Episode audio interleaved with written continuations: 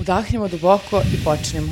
Što je neka meditacija na početku? Pa zbog tema koje nas čekaju. Uh, E, zeznute teme, a? Mhm. Da. Moramo da O budemo čemu na priča? posebnim vibracijama da bismo mogli... Nego da ljudi, ste pričamo. provali da smo opet naš četvoro, znači ja ne mogu da verujem. Šta se- šta Ova se dvojica dešava? neće, neće da snimaju Neće, ali podcast. moram da pohvalim da nemaš oni CV duks više. A, da, ostavio sam ga tamo. Iza kamere.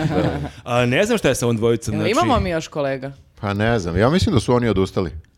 Od Mislim- nas ili od podcasta? Po jednu i Nemoj drugu. to da kažeš javno, jer jedna devojka čini mi se je napisala da će prestati da nas podržava na Patreonu ako ne vidi vladu. Tako Pa šta da da moramo da, radim? Da, da, obećavamo... biće, biće, da. Biće vlada, evo sledeći put. Biće za dva najviše tri podcasta. Ne, ovo je bukvalno sad dajemo obećanja ko političari. Znaš šta, ja... Pa da, vidiš kako, moramo tako da, da bismo dobili što Meni želimo. bi stvarno prijalo, izvini, sledeće nedelje, na primjer, da preskočim. Ja Meni, moram da ja ne, mogu, najavim- ne mogu da vas gledam više. Ja nisam tu za dve nedelje i ja se nadam da će neko od njih dvojice da me zameni. Ja sam počeo da sanjam da sam u podcastu, bukvalno.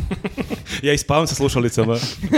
S mikrofonom. Pa ne znam, ljudi, maltretirate ih, mislim, e, u stvari maltretirajete Pa ih. možda da zamolimo naše gledalce, E. slušajte da im pišu. Pa Ali to- privatno, privatno da im šalju poruke. Pa to sam i mislio, mobingujte ih malo. Da. I to, znaš šta, oni su uplaše ovih malo ozbiljnijih tema, tako da moramo da im spremimo neke onako baš e, lagane teme za sledeću. Ma Misliš da je nije. to tema? Ja Ma mislim da nije, samo ih baš briga za Ma nas. baš ih briga. Tema sledećeg podcasta je jesen u mojoj ulici. Mm, Sastav Tek na, tad na neće slobodnu doći. temu. Košarka, jesen u mojoj Ma ulici, a, Pa neće, a, bre, čovjek plane neće crash. ništa da kaže. Za grafu će I morati... grafa može da peva. Ili da peva, ali peva o parkingu u Beogradu. Da, E, da. To smo rešili. Ili o onda. svojim snovima. U svakom slučaju pišite im na bu- bukvalno na bilo kojoj mreži, gde god da ih Gde god nađete, stignete, na da. ulici ih ono maltretirajte, gde god. Da, mislim da ovo je najdu... Mi ne možemo da ovo ih je prizovemo. najduži niz, ovo je treći podcast za stopnu da je ista ekipa. To se nikad nije desilo. Pa nikad. Ne znam šta da kažem, ja, meni ste se vi smučili, ja ne mogu vas. Ni- Vole- ništa lično. Ništa lično, ali voleo bi da je neko drugi umjesto Da su nekog neki od vas. drugi ljudi, I umjesto mene.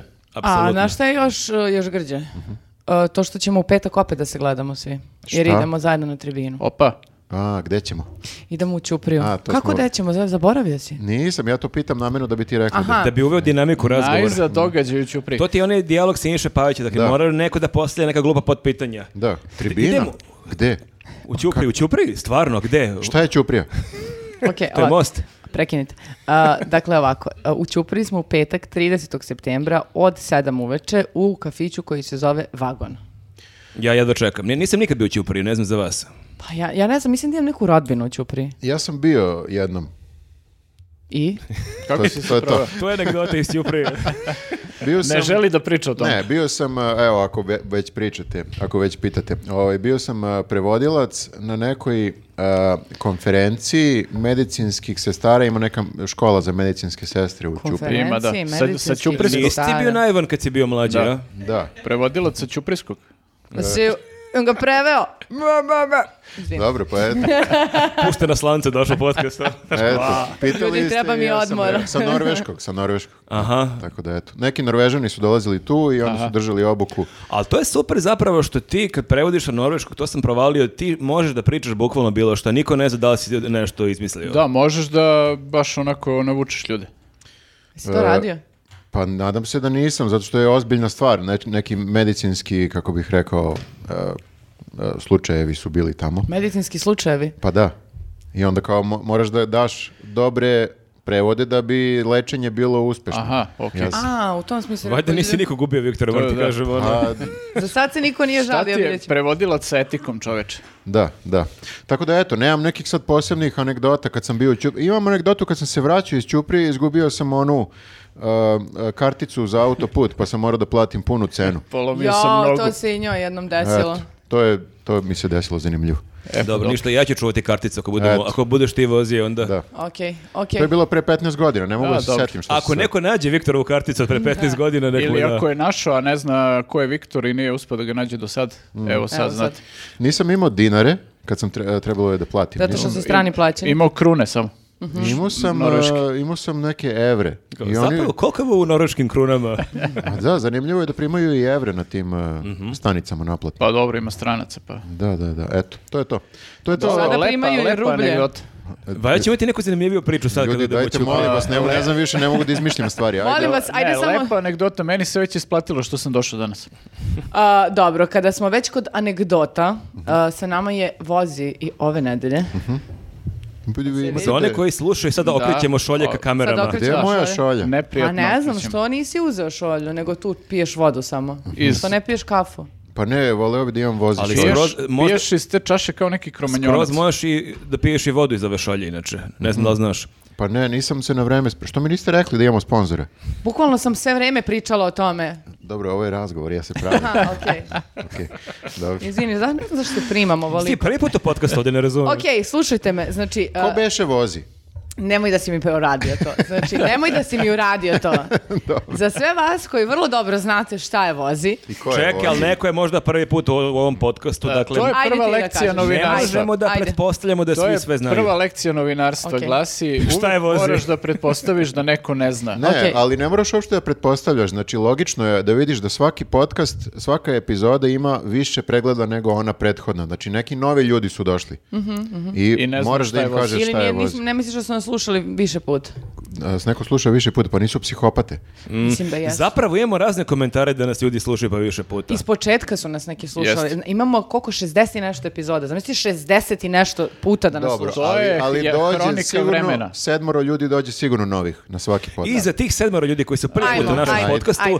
dakle, Vozi je aplikacija koja nudi pomoć na drumu, pomoć na putu. Na drumu. Na drumu, Na da. drumu. Pa Dakle, Pak. Si veka, Za, ti za družiš. vaše kočije. sam- pa ja sam Alvirovićeva škola. Dakle, ako imate bilo koji problem sa kolima, a imate Ili, tu ko- aplikaciju- ili konjem. ili, ili, ko- ili kočijom, zapravo a, aktivirate tu aplikaciju i ona locira gde ste i onda pošalje ono koga treba da pošalje, dakle kojem je pukla guma dođe vulkanizira, kojem treba šlep dođe šlep služba, Za konja, ono, za, za kopito. konja, da, ako je, Tako je. sa pojilom dođe ako je konj žedan, tako da imate te opcije i to se plaća godišnje. Jeste, imate a, tri a, paketa trenutno. Vozi RS 2999 To je za Srbiju, dinara. RS je za Srbiju samo. Jeste.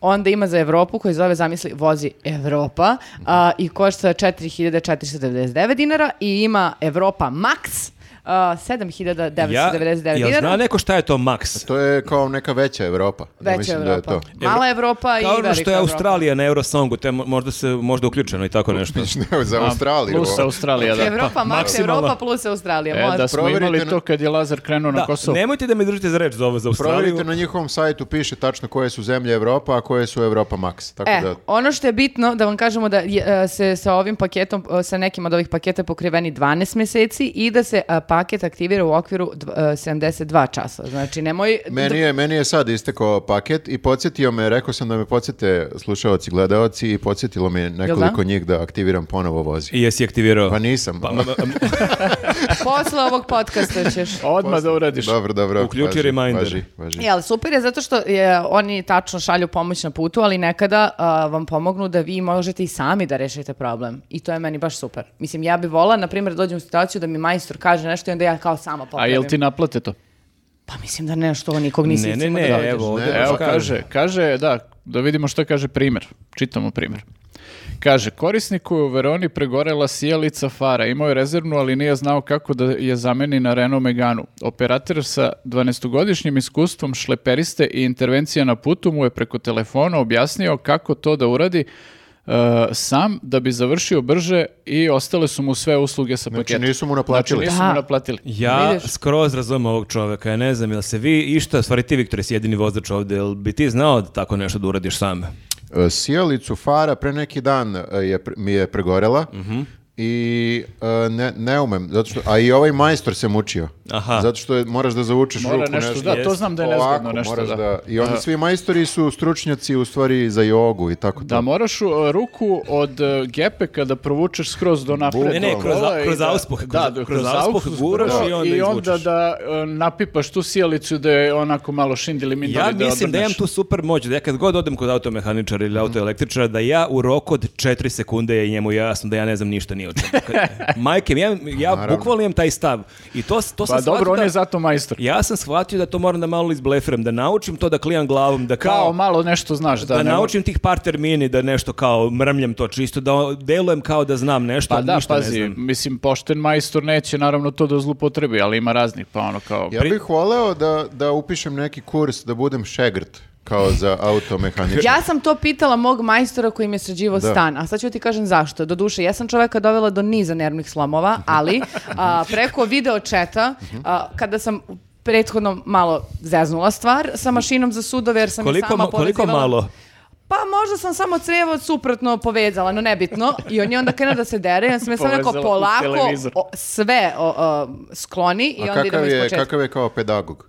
Odličan, odličan. Ima On mi je- strpljenja. Što je preko krenuo da vide- se dere. A, pa zato što sam ja krenula da histerišem Ali to jer je je- voda krenula da lipsi. Za njeno To je dobro. Jelisaveta, dobro, da. I onda nakon svega toga, jel mogu da budem vaš šegrt? Naravno, A vaš i on, me- kalfa? on me ovako gleda i u fazone... Nikad. Ne. Ali ja bi mnogo volila, znaš zašto? Zato što sam sama povezala mašinu za sudove, Mhm. a, sama sam lepila lajsnu u, u stanu i to sve tako što sam imala na video chatu svog majstora koji se ovako drži za glavu, puši cigaru i pije pivo i govori samo Znači, kao, polako, za- samo Jeste, polako. da. i Završila onda- si online kurs. Onda dođe sledeći majstor i pita ko ti je ovo radio. Mhm. Ti kažeš pa ja. Pa ja, sva ponosna. Mhm. Tako je. Da, o, ja Ne, bih- us- bilo bi super stvarno da postoji, mislim, Jeste, možda da. i postoji neki online kurs za Pa automehaničare. ima sigurno, Pa sve mislim, postoji online. Da li baš ima kurs, ali sigurno imaš gomilu tih videa kako da sam uradiš to i to. Ali moram da imam neka kola koja su tu pored mene kao koje ja mogu da rastavim i da sastavim. Nemam, Mhm. nemam takva kola, ja mislim. Ja ovako- Ali ono što imaš je vozi aplikacija, tako da ne moraš da Koju sve treba sam. da obnoviš. I A, idemo okej, dalje. Zapamtit ću. A, sledeći a, sponsor koji imam ove O, nedelje. još Molim. jedan. Da. Šta? Samo još ove nedelje Koji imamo je to? dva, samo da vam kažem. Kako? Č- š- Mislim i- da i to je sledeće to? nedelje nećemo imati ni jednu. Ma I da, to je u- kraj. pa kako da? Osim ako Ljudi, se neko... javite se. Molim vas neko da se javi sledeće nedelje da Ajde bude kad sponsor. smo već ušli u E, seriju. zaređili smo baš fino, bit Da. ćemo baš onako jadni sledeće Bez veze nedelje. da Zamisli. prekinemo. Ja, bi- ja stvarno apelujem na Ko ljude. su, ko su ovi carevi? Ajde reci mi, A, molim. Digite Galaxy. Digitek. O, da, Digitek, to su digitek. naši, nasi- naši, sad već možemo da kažemo stari drugari.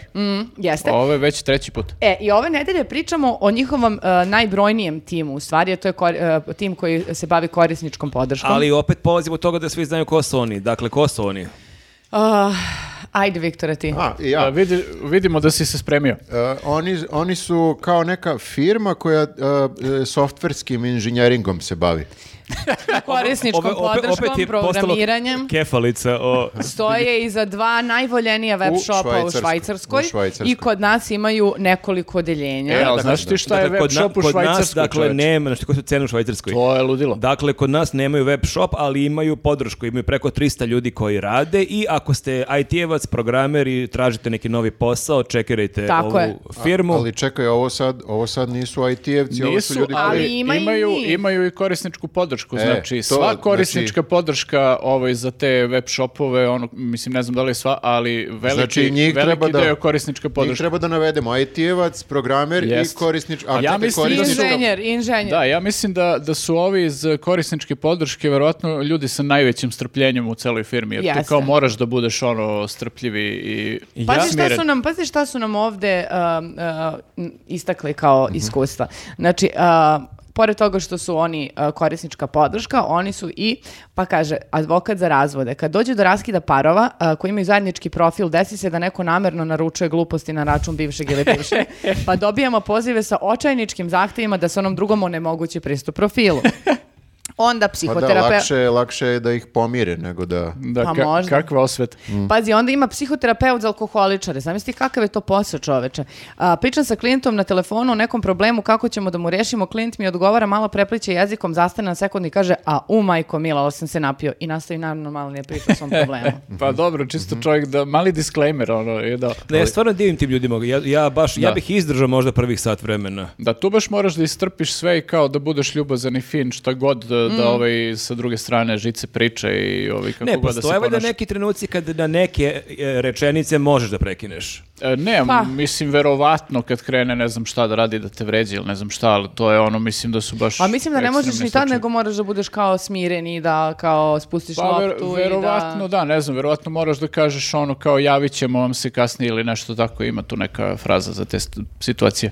Naprimjer, a, em, o, suočavaju se ne samo sa, a, a, kako bih to rekla, aktivnom agresijom, direktnom agresijom, Da. nego i sa pasivnom agresijom, zato što mogu tačno da zamislim ton kojim je ovaj čovek jedan koji čeka sto, a, rekao, da li želite da moje deca jedu sa poda? Kao, ni deca vam malo- nisu sveta. To je malo emotivno ucenjeno. Ali, Jeste, da, ali i- Mhm. Viktore, vidiš da smo mi korisnička podrška Digiteka ili Digiteka i da smo kupili onu pećinu i da se javljamo iz pećine Šta? Pa, Pa ljudi kad su živjeli u pećinama nisu imali nikakve stolove, jeli su spode i jel im je falilo nešto. A, okej. Gospođo, jeste vi svesni da mi pričamo A, sada dok ja mogli- radim iz pećine? ja sam iz pećine, Ja gle- nemam Da, ništa. mi od smo- toga. Pored mene je mamut. Da, ako čujete eho neki, to je zato što se javljamo iz pećine. I Čekaj, ti hoćeš da kažeš da treba kupimo pećinu i da tamo otvorimo korisnički servis. Bez stolova. Pa, Pa to je, nije mi to palo na Pa pamet. Razmišljao sam evo dosta sad- stvari o pećini, ali... Ali, Pazi, možda nas to- onda di- Digitech sve zaposli da radimo kao njihova korisnička podrška iz Da, pećine. ali to je dobra stvar što uvek možemo da se vadimo da ne, e, ovaj, se gubi signal zato što smo u pećini. Izvinite gospodine, malo mi se kad signal izlaziš iz gubi. pećine, Znate pa- mi radimo u pećini. Izlazim u pet kad završim posao. Samo da kažem ovaj, da je cena pećine i dalje ista, znači nije skočila kao neki kvadrati što E, Znači, skaču. to znači da Rusi Rusi neće? nisu zainteresovani za pećinu. A Pa nisu, nisu. Tako da hoću da kažem samo ako ima neki sponsor koji je spreman da nam nekako obezbedi da živimo i radimo u Da nam pećini. obezbedi koliko beše 150.000 evra. 150.000 evra, e, 300 kvadrata. Ljudi, ja mislim da je ključno da ne Jedan dozvolimo Rusima da uzmu Ljudi, pećinu. ja- Znaš kao, bi- potpišem ugovor s nekim klijentom u narednih 150 godina, ono, naša deca i naši unuci moraju da spomenju tog sponzora da otplate pećinu. Samo Unutra je da- uvek ista temperatura, ne treba ti ne E, sam klima, htjela ne da treba ti kažem. grejanje. Treba nam, znači sad je, e, kako ćemo da zagrejemo pećinu? Ne, ne, ona je uvek ista temperatura. Uvek je, jako, Loša. hla- uvek je jako hladno u pećini, da. Uvek je 19 stepeni. Prijatnih 19 stepeni. znači- Optimalnih. da, A Ti da. shvataš da ćemo Nenad i ja da Pa pocrkamo to prvog je, ali dana? to su, to su ovi rekli država, to je propisala. To ti Ali je sad- tebi će biti stan hladniji od tih e, 19 stepeni u pećini, to je problem. Neće, ja ću popalim sve svoje mirišljave sveće pa ću da se grejem. U pećini je uvek sobna temperatura. Pećinska. Pećinska. Da. A, ok, vratimo se na di- Digitech. A, ostavit ćemo u opisu ovog videa link gde možete pronaći više priča o njima i da se informišete o, o novim um, radnim mestima, to jest oglasima za radna mesta koje otvaraju. A, a sada prelazimo na naš glavni segment, a to je kolegijum. Mislio sam Pa, da imamo još ludilo. sponzora. Dobro, znači sad nemamo više sponzora. Sad više, ne- ove ne, e, sledeće nedelje vi- nemam za sada, osim ako se neko ne javi. Sljedeći podcast ćutimo onako tužni prvih pet minuta u tišini, tako se samo gledamo neprijatno. Da, Znači, ovi minus sad- čutanja za oglasni prostor. Ovi sad sponzori su bili s nama par puta i više nam se nisu javili. Mm. E, a, javit A ću dao se ja sam, njima. dao sam im svoje najbolje godine. Javit ću se ja njima, kaže se smeo on, onomad kad smo pričali o vama, a Dobro, nećeš više, bilo a? lepo. Dobro, dobro. A rekao dobro, si samo da sponzo- znam. Sponzorstvo i bleja. A pričao si da smo bili tvoji najbolji, e, da smo bili tvoji najbolji klijenti. A, dakle, Da, Dakle- šta nam je tema? Ma tema je pre toga da nas ljudi podrže na Patreonu A to i da, na to YouTube, jer nemamo sledeće nedelje sponzore. to je tačno. A pećina se neće A sama peći- kupiti. Jeste, sad morate da pogurate A ni ovo. čamac. E, pećina ne sme da padne u ruske ruke, to je strateški potencijal. Pazi, nije to, nije to neizvodljivo. To je 150.000 evra. Zapravo, možda to bio, kasnije ćemo pričati o sastanku Selakovića i Lavrova, možda je taj sastanak bio Lavrov je rekao, čujem da imate onu pećinu u centru grada na prodaju. U centru grada. Potpisali su memorandum o pećini. To strateški uopšte nije loše mesto, tu su Jeste, blizu da, to mostovi, je- reka. To je sigurno i povezano Ako- nekim tajnim tunelima sa svim Ma ostalim da, delovima ako grada. hoćeš da špioniraš ovu zemlju, znači ta pećina je savršena, bukvalno ono. Dakle, sa- bolje, sa da je Titovim kupimo, bunkerom, bolje da je sa- kupimo mi nego neki špijuni da je kupe. 150.000 evra. To ti je 1000 rata od po 150 evra. To je izvodljivo, ljudi. Hiljadu A lepo si to 40 evra. izračunao. To je A kamata? Ili, sto i nešto godina. ili ako otplaćuješ. se, ako se Patreonđi otvore, to je 100 rata, 150 rata od po 1000 evra. Vidi, vidi, nisam o tome razmišljao. Aha. Dobro, nije loše. Tako nije da- loše. A, Imamo, znate- znate, imamo štrebera u ekipi, Znate vidim šta ja. vam je činiti? Znači, Tačno. I e, sada ako postanete patronđija, to stalno zaboravimo da naglasimo. Sada ako sad je najbolji trenutak da postanete patronđija, zašto? Zato što unazad dobijete sve Patreon epizode ikada koje smo izbacili. To ne Mhm. Njih- možete da odgledate do nove godine, sigurno. Njih ima sada 60 i nešto. 60 i nešto. Mhm. Da, Da E, vi shvatate da, mi smo, da smo mi snimili 60 i nešto podcast? to ti kažem. Ali da li ti ljudi To je za shvataju? 60 i nešto podcasta više nego što smo mislili u početku. Tako, možda 30-40 više nego što smo mislili. Kontala sam doćemo do nekog. Tako da eto, postanite Patreon sad, sad vam je najbolje ono kao, veruj mi brate, nećeš se pokajati, naj, naj, najbolji... odnos cena, E Realno, kvalitet, prošla tačno. su letovanje, još uvek se ne uplaćaju zimovanje dočeci nove godine, sad svi imaju jako mnogo para. Tačno. Ok, ovo sam možda loše izračuno, ali u svakom slučaju Da, uplatite Patreon. Znate šta mene interesuje? Ajde. 68, da izračunam kad će da nam bude stoti. Ma da, Hoće ajde, potrajati. molim te, ne, Ajde, čekaj. to ćemo... 20, ovaj, 27 minuta kasnije, ali savete i dalje. Ti to računaj, a mi prelazimo na kolegiju. Evo je broj nedelje, vidi, broj srede. Jel brojiš srede? Ma, znao Da, sam. naravno. Pa znao sam. Ok, izgubili smo jednu članicu ekipe, ali... Vučić u Nju- Njujorku. Prva, Vučić u prva Njujorku. tema. Aha. Mr. Vučić goes to New York. Ček, izvini, si izračunala nešto? Jesam. a, ako ne budemo pravili pauzu početkom marta, o, onda a, ako budemo pravili pauzu u januaru, dakle krajem marta. U, lepo se to izračunalo. Dobro, znači nekad u, tokom sledeće godine je stota. Dobro. Znači- Znači, tortu jedemo do martu. Lepo. Idemo sad na... Vučić u New Yorku. Vučićmen i New York. Da, pa mi smo, e, deo te priče smo imali u prošlom podcastu, imali smo jednu smešnu fotografiju u prošlom podcastu i mislili smo da je to to, To ali su bili ljudi sa Manhattana. jeste sportski obučeni. I to je zanimljivo, mislim, ajde možemo da, da okrenemo te jedne fotografije. Zanimljiv je taj kontrast. Dakle, e, Vučić na toj prvoj fotografiji šeta Njurkom sa Markom Đurićem i on je obučen u neku trenerku. I Marko Đurić je ono, nije baš klasična trenerka, ali nešto što, što na prvi... Sportski casual. eleganc- da, Špo- sport- Ajde, tako sportska da elegancija, da, kažem. da, Nešto što deluje na prvi pogled kao trenerka i oni tako šetaju. Ali zanimljivo je što je Vučić dan, dva kasnije objavio fotografiju kako igra basket. Mhm. Ali igra basket u odelu sa kravatom. Tako je. Pa jel taj čovjek išta uredi kako treba? On bukvalno sve radi naopako. Mm. Pa da, kao kako ćeš da prepoznaš Vučića na terenu, ima odelo. On samo razmišlja out of the box. Kako ćeš da prepoznaš Vučića van terena, ima novu trenerku. Da, on je krenuo možda s Đurićem na basket jer nisu Da, našli ono- nijedan koš. Da, kad bi išao, kad bi išao, da, izvini. Pa ne, ne, nije našao koš i onda se smori i sutradan je krenuo u UN i na putu do UN je video neke likove pikaju basket. i Kao, ajde malo. Daj loptu ti pokažem.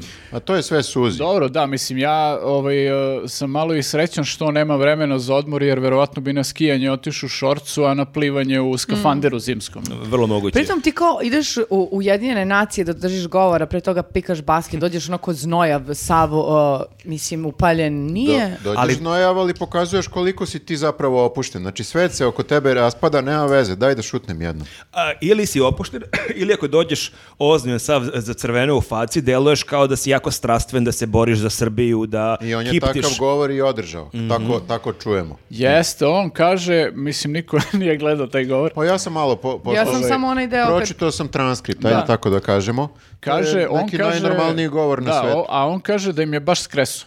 Ne, ne, najobičniji govor na svetu.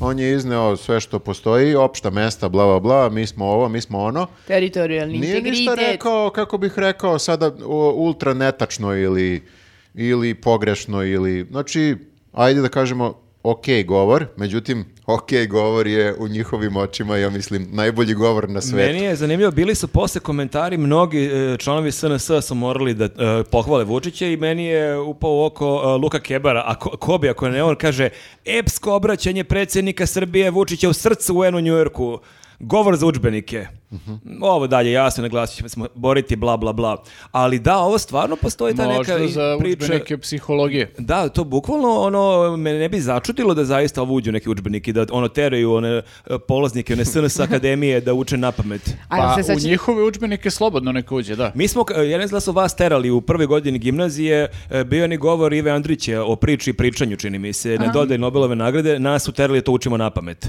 Ne znam ga sad. Mhm. Kao besedništvo, pa da... Da, tako da, evo, m- m- naša generacija je učila Andrićev govor, možda ove sledeće budu učile Vučićev govor. A meni je bilo jako zanimljivo to što se, na, naravno, niz nameštenih pitanja od strane Goce Uzelac, a kad je nakon tog govora, ona ga pita kao e, koliko je ljudi čestitalo na tom govoru i tako dalje. Kao svi aplodiraju. Prvo Koga sa- briga. Poluprazna sala, neki aplodiraju, neki ne, naravno, Selaković koji je u fazonu, ono, Mhm. Đurić škola, a Vučić koji je tako skromno, ali ipak da kaže da, da, tačno je. Mnogi Realno pokidao sam. Realno, mislim, ne bi da, ka- da li da, Nisu pokidao čuli sam, ovo zvali ovako. su, mislim da, zvali su me, čestitali su mi A svi. zvali veliki- su ga, nisu ga, nisu uživo mu Pa čestitali. neki zvali, neki poslali, ne znam, mail, SMS. E, e, brate, nisam te slušao, tu sam u kafani, ali čujem da si E, pokidao. ali onda e, g- nastavlja se gocino lizivanje i sad ovako, a, e, kažu svi da je vaš govor bio gledaniji od govora e, Zelenskog. Kažu svi. Kažu svi, a on ovako... Priča se po Pa UN. dobro, mislim, on jeste velika zvezda, ali on govori Nije to često bitno. svuda, pa mislim kao... Ja nikad nigde ne govorim. A, on je velika zvezda, ali dobro, eto da. Ja sam, šta ću sada? Da, ali to je super, mislim, ono kao ovaj lik je u ratu sa Putinom i kao ne zna gde će pre glavu, verovatno da udari i došao je tu u UN da nešto kaže i da se susretne Mm. sa ljudima jer mu kao verovatno treba i pomoć sa svih strane i ono da ispregovara što može. a ovaj lik kao angažovao botove da mu komentarišu video i da, da gledaju i kao, e, imam više pregled od To je Zelenskog. n- n- n- neverovatno da ti zaista se time baviš. Da. ti zaista angažuješ armiju botova da klikću na YouTube kanal da bi ti rekao da imaš više pregleda. Mislim, jel, realno da on, mislim, to je toliko opterećenost rejtinzima, ali aj ti meriš rejtinge to sa Đilasom, sa ovima, sa onima, kao ti si došao na ideju da meriš rejtinge sa čovjekom koji ratuje sa Ma Putinom. ne, ali to imaš više nivoa, t- te, te ono, ne znam kako da nazovem, patologije. Imaš kao, znaš, e, prvo je on održao taj govor i kao ništa se ne dešava, kao ništa posebno, jer ko prati te stvari. E, onda e, on angažuje ove njegove stranačke, odjednom svi su krenuli da komentarišu kako je to istorijski govor, kako je ludilo, ne znam šta. Pa onda su krenuli svi tabloidi to, istorijski govor, ludilo, ne, nemam pojma šta, i kao njemu to nije bilo dovoljno, nego je on u izjavi, on morao da kaže kako su njemu prilazili i čestitali ne znam ko, mislim nije imenovao nije, nikoga, i kako UN to nije čuo takav govor 10 godina. I a, kao ni to ti čak nije dovoljno, nego onda angažuješ još te botove da klikću tamo i da bi mogao da kažeš imam najgledaniji klip na, na kanalu UN-a u, to- u tom danu. Mene je to podsjetilo, e, ako se sećate, e, u 24 minuta e, se desilo, mislim, jedan put ili samo dva puta da smo imali jedan e, video gde smo imali više, tad su bili ono plusevi i minusi, ono, pa smo imali više minusa, imali smo neki video o Dosta je bilo. Da. I onda je D.J.B. angažovao svu svoju ekipu da, Da. lupaju minusa i onda su rekli neki iz Dosta, da li Hana ili ne znam ko je rekao iz Dosta je bilo, kao, evo vidite po broju pluseva i minusa vidi se šta narod misli o ovom videu. E, Da, Kad to kažem je- narod, mislim ovi naši. Bukvalno, znači on, od- oni su to radili s Kesićem i sad to isto radi Vučić na nivou čitave države ono, u Ujedinjenim nacijama. Ali otkud znate da su, da su botovi? Možda su ljudi stvarno nagrnuli da gledaju u ogromnom broju. Jel to na YouTube-u? Jeste, da. A Otišlo virala. Pa znaš O, kako... možda je otišlo u e, viral. Znaš kako znam? E, tako što svaki e, UN-ov e, klip ima tipa 100 ili 200 pregleda, ono. U, u tokom celog A tog Zelenski događaja. isto. Zelenski tipa ima 29.000 ima u momentu kad sam proveravao, Pa to bre manje od našeg podcasta. ali kao to mogu da razumem jer kao on jeste sad u ovom momentu kao neko ko se gleda i Mhm. Hoće ljudi da vide hoće da šta je. Mhm. čuju šta će da kaže, mislim, znaš, zbog cele situacije. Ovo je lik u majici. Da. Da. I sad kao odjednom Vučićom, a vidite 100.000 pregleda ono kao. Šta je bilo Zelenski? In your face. Meni je još fascinantno kako je u toku svog govora je obratio pažnju na to kako um, ljudi e, velike sile nas posmatraju kao male i jadne i on stalno u svom, e, svojim daljim intervjuima smo, mi smo mala zemlja. Ali zato na YouTube-u kidamo. Ali onda ne može da, on stvarno ne veruje u to, valjda toliko puta ponavlja ti n- upada u oči da on sam ne veruje u to da smo mali i onda na sve druge načine mora da pokaže kako je on, kako je on velik. Pa dobro, ali Srbi generalno vole YouTube. Ja mislim da smo tu onako nacija koja je Pa i ne jaka samo- na Mislim da YouTube. je to organski, e, su to organski, Organski pregledi. re- Pa evo, Milica Pavlović, uh, Ti moje zlato pesma, ima više pregleda nego Beyoncé i Jay-Z. Mhm. Ali pazi, e, ja Ej, sam ain't slušao, shit. ne znam sad konkretno za Što je Milicu veliki Pavlović, hit. ali ja sam, to sam pričao u podcastu, slušao sam objašnjenje tih IDJ videa što Da. ostaho gledani, zato Dobro. što ljudi u nekim zemljama dalekog is- istoka gde nemaju pornografiju, to gledaju. Mhm. ja, Hoćeš da ne- kažeš ne da su želim, ja, ne gledali želim, ja Vučića? ne želim da verujem da su zbog toga gledali Vučića. Bukvalno ga gledam Da, da. kuda će da ode. Pa ne kažem, ne želim da verujem da je to e, Mm. na taj Da, da, način kad da, je su iskočio- nastali ti klikovi, već da je to zaista armija botova. Da, da. Mislim, manje je zlo po predsjednika da su to botovi nego da negde na dalekom istoku Da, da, u ljudi- Indoneziji, o, predsjednik Srbije, oh yeah. Da, tako da Onda- nadam se da su botovi. Ovaj, ja sam siguran da jesu, jer pa, baš je onako očigledno je da, da, znaš, nigde nisi vidio kao, ajde da je taj video otišao u neki viral, ono kao viral, viral. Da se sapleo recimo. Pa se šeruje po, ne znam, TikToku, Mm. po Facebooku, svuda je, pa kao da razumeš, to je kao vidiš da, da se nešto dešava, da je nešto privuklo pažnju kao običnih ljudi, ali ne, ovo je samo na YouTube-u nabilo A preglede i to je zamisli to postane kao. Vučić hit na TikToku, ono, krenu klinci širom sveta da tako dosadno govore. I ko to bude neki A Vučić, pritom- Vučić Ja, ja challenge. ne bih volao da vidim taj trend na TikToku. A e, pritom, a št- e, nema ničeg istorijskog i epohalnog u onome što je on rekao, da se razumemo kao. On je samo pozvao na to da se, Ma. ako želite da poštujete teritorijalni integritet Ukrajine i pozivate se na to, onda treba da poštujete i teritorijalni Da, integritet to je- Srbije. to Znači, je to je, nešto- To je na- Opšte mesto, Pa da. mislim kao... Jeste, da.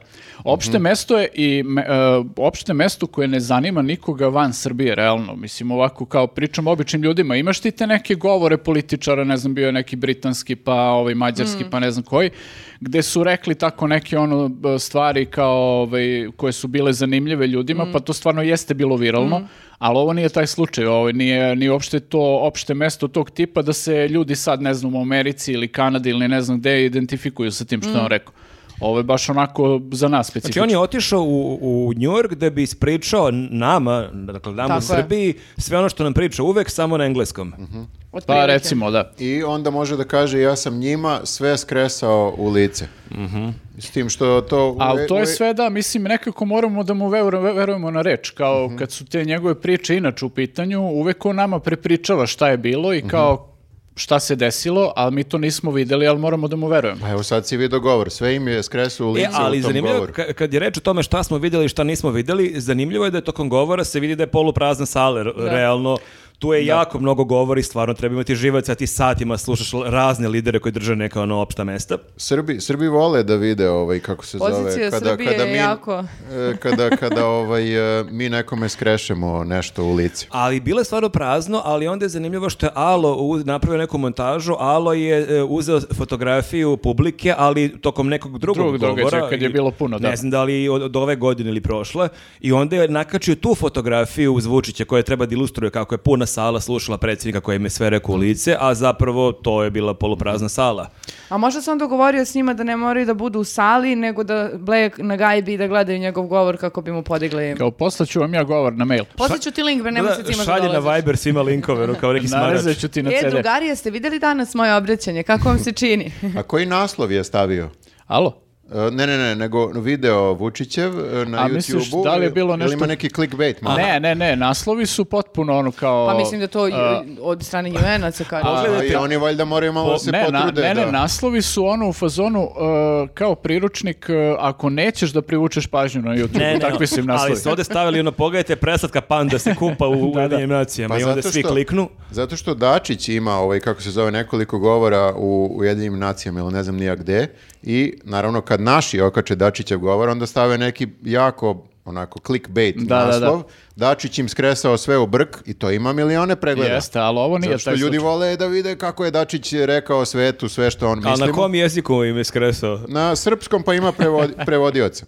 Ali e, hoću da kažem, slušao sam ja taj Dačićev govor i on ne kaže baš ono u naslovu što su ovi napisali da im je skresu sve u brk, Mhm. nego je onako malo kao isto to opšte mesto, pa sad ti možeš da A skre- protumačiš. skresavanje u brk je široka kategorija, Jest. tu možeš mnogo toga da podvedeš. Jeste, jeste, da, da, tako da E, To je skresavanje u brke u očima posmatrača. Mhm. Apsolutno. Ne znam kako drugi ljudi, e, ovaj, kao, kako narod, njegovi glasači Vučićevi, kako oni vide ovo sve što on priča. Je to Sigurno- toliko kontradiktorno. Pa vide da je pokidao. Ma nije, Pa ne, brale, ali kako? njima- Znači, on s jedne strane priča, mi smo mali, kad se veliki slonovi tuku, mi se krijemo u travi, a, molim vas, pustite nas samo da vrdamo, da spasimo Srbiju, već je haos, ali mi smo mali, mi smo mali, i onda kao, bam, govor, kako im je jebo kevu. Mislim, Ali mi smo mali, ali smo ponosni. pa ne, mislim... Pa baš mo- zato što smo tako mali je toliki uspeh što je on najgledaniji, jer Jeste. to je to. ne glasači, ja mislim da ne vide nikakav problem Ma s tim. njima je skuvan mozak. Sve je bukvalno. super, strava je. Znači, mi smo mali, ali se borimo, ali ipak nismo mali, jer vidi, ovaj može da kaže i velikima ono što da im skreše I to u brk. na engleskom A jeziku. pritom da kaže ono što je opšte poznato i što ništa ne menja. Nema veze, ali ti malo kad to pojačaš na pinku i kažeš da ovo je govor za čitanke, za udžbenike, to automatski gledaš. To je clickbait. Mi smo sada o, ne mi, nego kao naši mediji su preneli taj govor uz sve moguće clickbait, Jest, sada to je. naslove, rečenice, izvukli malo iz konteksta, malo ga nabudžili. Nabudžili, da. To je Mm. pink Pritom bait. je maltretirao i gocu Pa opet. ajde da mi probamo da mi na ovaj e, podcast nazovemo Njuzovci održali epski govor za čitanke. Ajde. U, ajde. Znaš, Ajde. šta bi Ajde, što? da. Skresali danas košta- Vučić u brk. Pred, pun- Ajde. pred punom salom u Njuzovoj redakciji. Ovo, Ajde. niko, ovo nisu čuli deset godina. Bukvalno. U, To su može, strava, može. Zapamtite ovo, E, e, zaboravit ćemo. Nikolina mora, da, da. Da, da, tako da evo, na Obrati tragu, na, pažnju. na tragu smo nečega. Ok, ok. E, da li možemo na kratko samo da obratimo pažnju kako je maltretirao Gocu? Ajde. Vidim Šta da je radio? želiš, šta je bilo? Ne, uvek, že- uvek žele- to zato- je znači, lepo vidjeti. Dve stvari, znači ona ne postavlja pitanje koje ovako pa, hrpu papirčuga koje je verovatno dobila, navodno, Neki bi rekli, a Ovo je možda... i- najgore ograđivanje ikada. A, I onda u jednom trenutku on odgovara bukvalno onako preko e, brka. I e, o- o- Ovo je isto najgore Ja, ograđivanje. žel- ja želim da Elisaveta prepričava vest. Da, da. I onda mu Goca kaže, "E, predsjedniče, malo ste škrti sa odgovorima. I onda se on uvredi što je škrt sa go- odgovorima. I onda mu kaže, pa dobro, ćete... Kobre škrca odgovor. Kobre, kao šta je, pa, onda kaže, pa hoćete da pročitam, meni da pročitate ovaj Ja to papir. sve znam. I Ja onda sam to kao, sve pročitao. onda- pa e, gla- glasačima, narodu, narodu, predsjedniče, A, narodu. narodu, važi. Znači, Aha, Okej, kao, važi. boli ga glava, Malo ga ne voza, može. Goca. Ja, pa ko, koga to... Čekaj, znači Goca polako pušta brke. Znači, Goca je opozicija. Goca vođa opozicije, pa ti vidi. Rekao mu da je škrt sa odgovorima, zamisli. Pa to mu Ali zaista- su imali i onaj lep moment kad su se nasmejali oboje onako od srca za Ne, zato što je ona skandiranje. rekla njemu, nemojte predsjedniče, molim vas, nemojte. Za skandiranje. Ona je rekla kao vama su E, skandirali. Skandirali su vam nešto neprimereno navijač. Skandirali. da sam opštio Skandirali su me sa da sam Anom. opštio. Da sam seksualno opštio A, da. sa Pa premijerkom. dobro, Ona predsjedniče, je vi ste rekla, e, to malo da, lepše rekli. Oni su to rekli oštrije, pa on je po- počeo da je tera da ona to izgovori šta su tačno rekli, Ali ali... to je takvo izvlačenje iz konteksta, uopšte nije bilo skandiranje u tom bukvalnom smislu. Ajde, Dražiću, reci sad šta su skandirali. Pa ne, kad kažeš e, jebote Vučić, to ne znači da oni misle da se to bukvalno desilo. Da, Mislim, i nego nije on baš kao toliko naj... jebote. Pa, je... Nego brk kao ment. pa to, to što ti krenuo da objašnjavaš. Da, da, tako da, da. i to je malo kao izvlačenje iz Ali konteksta. kako, samo da vam kažem nešto, a, a, Goca, a, to je tako jedna, a, ono, ona tačno zna a, njegove tastere i onda tako krene da se kikoće i da se femka a, i da govori nemojte, nemojte, kao da, dajući mu neku sada moć još jaču, što njega dodatno naloži i onda on krene da Ma se Pa šta bre, smeje. nemo- šta bre, nemojte. Ma ajde bre, kao, ali Raz, buk- razdraži ga. Bukvalno, ali tačno zna da mu to uradi, jer ti vidiš kako ona to uradi, pa nemojte, predsjedniče, molim vas, znaš Pa kao to dobro, ona- femkanje. oni se duže vreme ovaj, sarađuju, tako da... Taj da, odnos, se taj znaju. kao- E, Bo- bolji je tandem sa Godsom. Da, on ima, e, ume da osjeti to. Ima oni drugi, oni se Bojan zove, oni sa Pinka. Jeste, on, ga ali jako, on ga jako o- nervira. Jeste, ali on ga iskreno nervira. On ga baš i- nervira, on je baš od onog jebote koji je ovaj kreten. on e, je baš... zato, ga, zato ga nešto i nema u posljednje vreme. Di bukvalno vidiš Prestao da, je da ide na te puteve. on na dogovorena pitanja zajebe nešto i da se ovo iskreno iznervira. Tako da Goce tu ipak su... Hoćeš ja da postavim pitanje Vučić je koje u treba da- fazonu, jel moram ja sve sam, ono sad. Jel, realno Smo ti su dali pitanje. Ovog lika opet poslali sa mnom. Jebote, s Ti kim nisi ja goc. radim? Aj ti ne Goca postavi pitanje. Dobro, a šta je još, e, šta je još radio? E, E, da, ko, kad šta je radio, pomen- pominjali Vučić? smo, pominjali smo onu fotografiju koju je napravio sa Markom Đurićem uh, otprilike neposredno pre ili posle govora, ali posle je imao još jednu fotografiju sa Markom Na, ra- Đurićem. na Na, rastanku. rastanku su otišli u... U neki restoran, Ja čekaj da vidim. vidim. Da li je e, to- kažu da je američki restoran koji služi boršč. Boršč. I to- Boršč. i to ja i je- dalje ne znam šta je borš. I to je- Boršč. boršč i, uh, ti je jedna kao siriotinska supa sa cveklom. To ti je kao čorba koju sve staviš. Da, šta imaš? Ali, ali je bitno da staviš cvek, Cvekla je bitna, cvekla je da. bitan sastojak. To je ono, mislim, cveklu ima svaka kuća i ono kao... Evo. Bude onako uh, crvenkasta. ovaj. Aha, vidjela sam sliku, ali da... Kaže, kaže opis fotografije. Ja sam O- mislio da čitaš recept za boršč. da, zapravo. Mhm. to bi mogao bude ne- neki naš sledeći projekat. Da ono, Zapravo, Recepti. A kaže, ovo mesto se zove American Bistro i ponudili su nam fantastičan ruski ili kako to ovde kažu istočnoevropski boršč, što smo oberučke prihvatili kao okrep u pred- pro- povratak u Beograd. pa je li ovo sad neka poruka zapadu, kao a jedem boršč u sred zapada? Pa jel nisi Baš. mogao burger da uzmeš čoveče? Pa Ali mislim, čekaj, vidi šta, kako se... kakva poruka ljudi, bre, mislim, čovjek se seo sa la- Lavrovim uh, bleo Čekajte, tamo. si- E, ajde, stvarno, mislim, odeš u Ameriku, znaš ti šta je Amerika? Tamo, ono, Znaš ti šta je Amerika? A čekaj drugo? Šone, da te pitam, E. jel boršč cancelovan? nije cancelovan, e, ima čak i sad je, o, kad je krenuo rat, sećate se, smo pričali o tom sporu čiji je boršč, Ukrajinci sad tvrde da je imaju, da je njihov boršč, ovi Rusi, ono, tvrde da je njihov, tako da... Boršč nekako canceluje samog sebe jer Jest. nije baš najbolje jelo na svetu. se A, ne realno da. lažem. A ime malo Ali- polomiš jezik dok izgovoriš. Ali hoću, hoću kažem, znači u Americi si, znači a, ako išta ovaj, postoji tamo najrazličitije i najraznovrsnije, to je hrana. Bukvalno možeš da probaš i da pojedeš šta god. Pa evo ti je rusko jelo. Da, ali i vidiš ti kako su o, uzmeš se- boršč. Oni su se ogradili kao nama su to ponudili. Mi nismo možda ni hteli boršč. A kao nego vi izgledate kao fanovi boršča. I mi kao, Kao, Pa šta ćemo, konačno ajde. imaš, dobar dan, volite područje, dobar dan, volite boršč. Pa ono, Bukvalno da kao, Da, mene, mene sad zanima onda kao ovaj, na osnovu čega im je taj konobar Aj, baš, kakva baš je to boršč okrepa? ponudio. Pred, znaš ti koliki je put do Beograda iz Njujorka? Koja je to okrepa? Putuješ koliko? 10, 11, 11 sati i Pa, pazi, pođeš borš. Ako putuje Air Srbijom, neće se najesti u avionu, tako da bolje da je on nešto Ješće konkretno. one suve o sandviču što kad sa- u- zagrizeš jednom uradiš ovo. Jeste i onaj neki Jer ti čips. se zalepi sve za ne, za nepce Ja ne ide. znam da li njih Nikakav. dvojica odaju taj neki Borat vibe kad idu zajedno. Zato što već su ih zezali za to. Pa, ne znam neki da li ste nemački vidjeli. medij je Neki objavio tekst. austrijski, ja Ili mislim da. neki časopis ili tako nešto kad je igrao basket u odelu.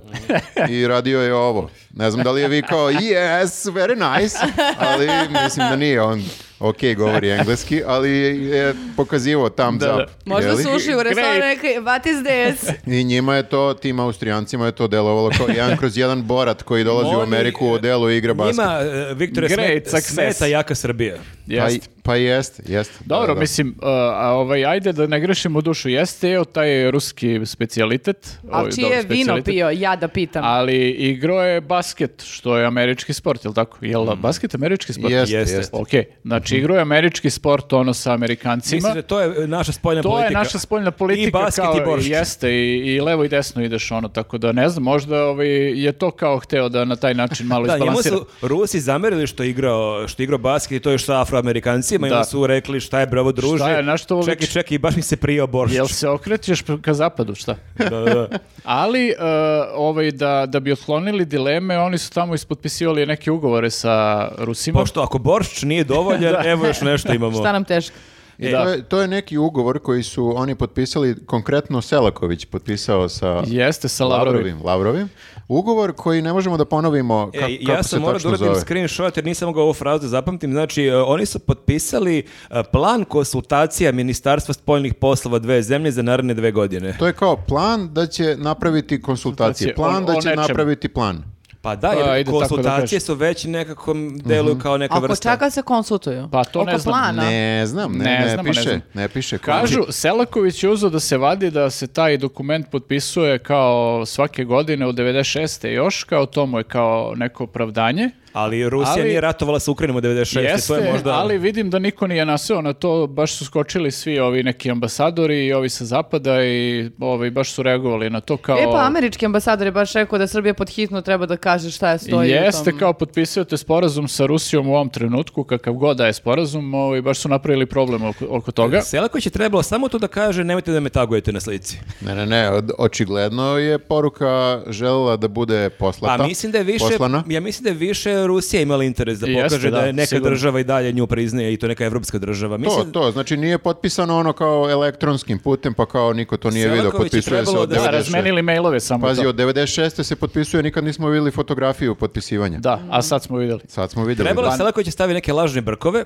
i da kaže bez tagovanja. Pa pazi, Lavrov, ja verujem, on je ministar jel, spoljnih poslova Rusije. Od Mhm. On se, 80-ih on fazon. se uželeo malo da nešto, ima neku diplomatsku aktivnost, jer čovjek ne radi ništa već Pa Čekaj, on, je- ono on od je februara. video Vulina pre toga, on baš je u paklu, on je baš u Jeste i- paklu i sada. Da, i viđao se sa Dodikom i to kao i u fazonu daj nešto kao d- ono da se podsjeti malo svog posla i tako. Ovo mu je baš došlo onako kao kec na deset. Zamisli ti kao Lavrova posle svih kao sastanaka sa nekim velikim zvaničnicima ludila tu priča ovo ono ti sad sediš i pričaš s Vulinom. Da, ali sad koliko sam Bukvalno dođe video, Putin i kaže brate aj za- Da, koliko sam završimo video, ovu ovaj- priču ne mogu više ovo da radim. ne znam koliko je tačno, ali kaže, kaže su u nekim tekstovima da su ga tamo bukvalno svi iskulirali ono u UN-u. Kao niko nije E, hteo drugari, da sastanče drugari, sa gde, njima. gde smo večeras, šta ima u gradu? Da, šalje poruku grupno, send to all. E, šta radi? E, ima super neki bar kod mene u ulici, hoćemo u 9. Šta radiš večera? Send to all. Pritom dođe Vulin i kaže mu kao za mir je potrebno dve osobe, a za rat je potrebna jedna budala.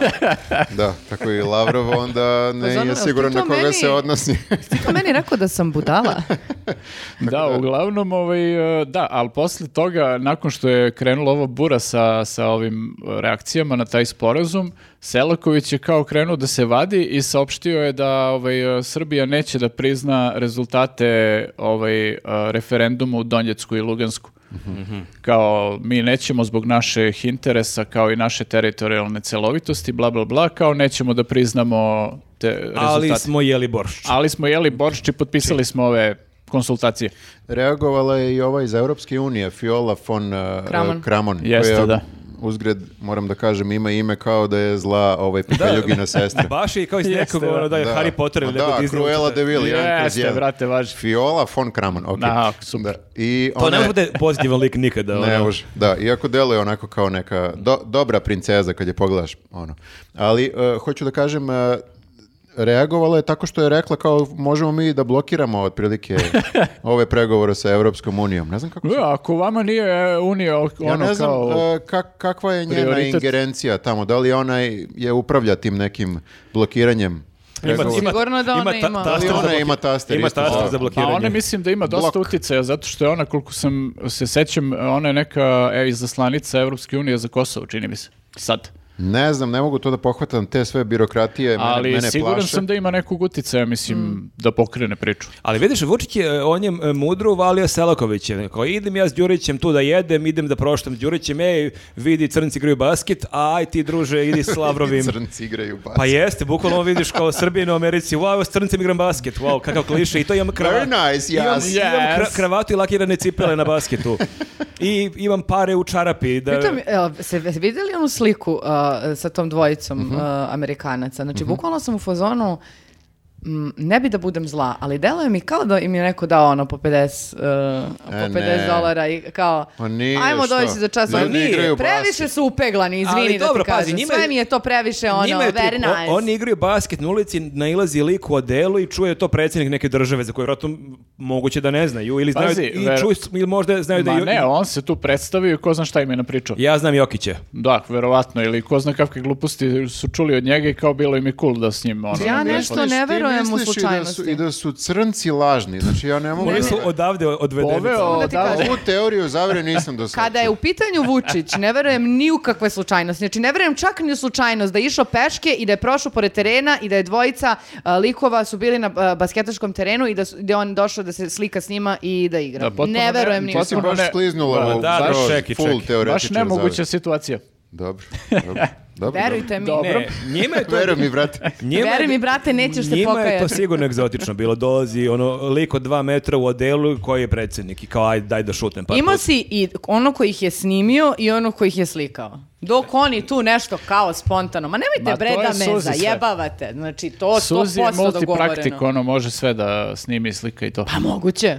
To mi Sigurno preliči. može da organizuje statiste za basket, to Da. mi je, da. To mi je Ne, prerealna možda je priča. Vučić, e, sad sam baš gledao i to je velika preporuka, kod Galebe gostovao Šćepa, Šćepine Vragolije, uh, sjajan podcast, sjajno gostovanje i možda je Vučić kao Šćepa, on sam možda putuje, ali ima dron, ima razne kamere, ume da montira, tako da možda on sam uspe to da odigra basket, da se snimi iz više Pa, uglova. E, mhm. Leti Željko oko njega na nekom drončiću ono i kao snima. Samo je... I dalje te nisam uverio. Samo Ne, još ne, ne jednom veruj razmisli ovo da uopšte. pričaš o tom čoveku koji o- te novotarije i to sve, on to nema pojma ništa i mislim, on to ne, Ne, ne, on to blefira, on to blefira. Ja, ja e, u mnoge stvari sumnjam, ali verujem da su ta dva lika bili autentični neki basketaši koji su se tu zadesili. Slučajno. Pa šta Miša, si imali zakazan u podne igramo s Vučićem basket? Ja verujem, pa mislim u Beogradu ti na većini koševa imaš ne, nekog ko šutira. E, ako je ne, lepo. Ne, evo, pazi, evo, podelili smo se, vas dvoje ste ovde, uh, da je to teorija zavere, da ti crnci nisu pravi i nas dvojica branimo Vučića, šta da radimo, tako nam Dobro je je, zapalo. ajde, Vi u okej. komentarima recite šta mislite, znači nije ovo do kraja ni crno ni belo, a iako su crnci. 100% je dogovoreno. Nema ša, nema Znaš slučajnosti kao, s ovim čovekom. Posvađamo kapiraš? si propane njuzov podcast i smo se posvađali kod toga da li su ti likovi namešteni ili nisu namešteni. Preko Vučić, nekih kralj stvari... spontanosti, čekajte, molim vas, čekajte. Nisam siguran da on može svuda po svetu gde ide da unajmi statiste. Ma naravno Da da, može, pa isfejkuje mi ne nešto. bismo bili ovdje da jesmo da on nije svaki korak isplanirao. Znaš ti, brate, koliko je on bogat?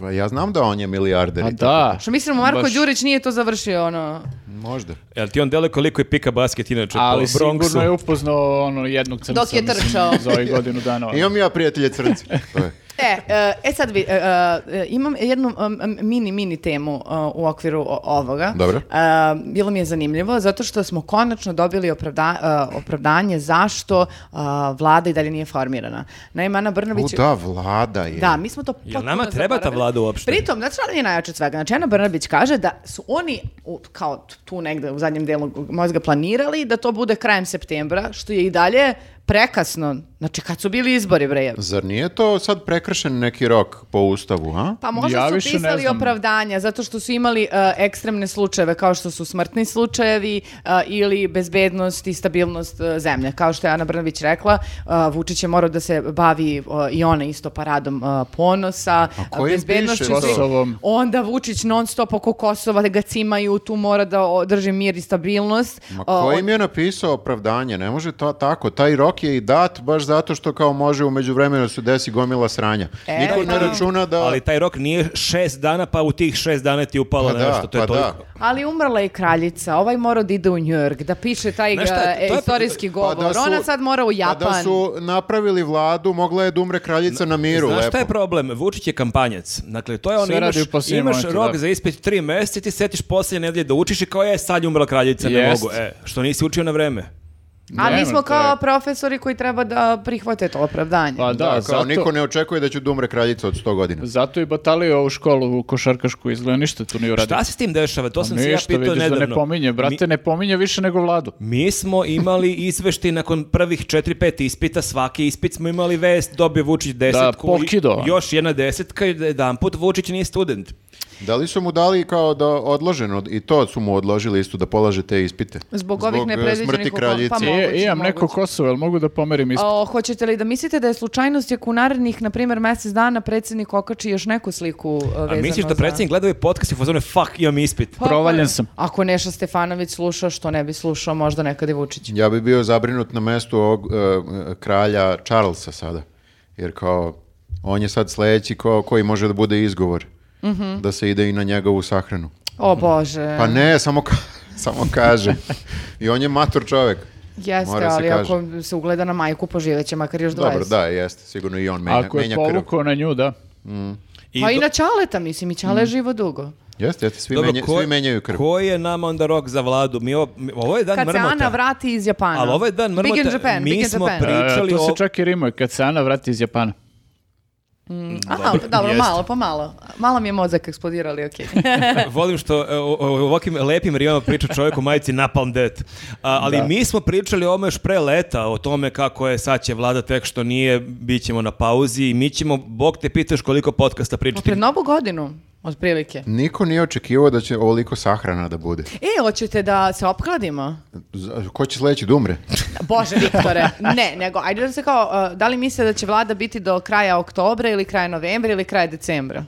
E, hajde, ali e, isto bih voleo da čujem od ovih ljudi koji nas gledaju da li su zaboravili da treba da imamo vladu, jer ja sam Da, zaboravio. da, da, apsolutno. I voleo bih da čujem šta kaže javno To mnjenje. može bude kao oni e, klip što su, e, što su šerovali ljudi, oni momak iz Crne Gore kad su ga pitali da li je, ne znam, koja je osoba prava za mandatara nove vlade, kad kaže, Da. gde znam, ja studiram moje političke nauke, ja ne znam ni šta je... Na tre- sku- na- na ne znam trećoj šta je- sam godini, ali ne trećoj znam sam ni šta godini, je ne znam šta je skupština. Jedan od boljih klipova koji sam od vidio u zadnje vreme. jedan od boljih klipova i možda i naš narod bude u tom fazonu, ja ne znam više ni šta je vlada, jel nama treba opšte vlada. Pa, pazi, mislim, uh, ajmo realno, jel smo mi primetili da nam nešto kao nedostaje posljednjih? Da, vlada. Možda nam je čak i bolje. Ma da bre, sve funkcioniše, Mm. imamo struju, vodu, e, Namirnice. hranu, još uvek, Na- na- pa, mleko nama nemamo, je dobro, sistem okej. toliko dobro postavljen da se ono samo država. Tako je, to niko nas nije napao, ono, Oni, ako se formiraju, postoji bojazan da će sve da se raspadne. Aha.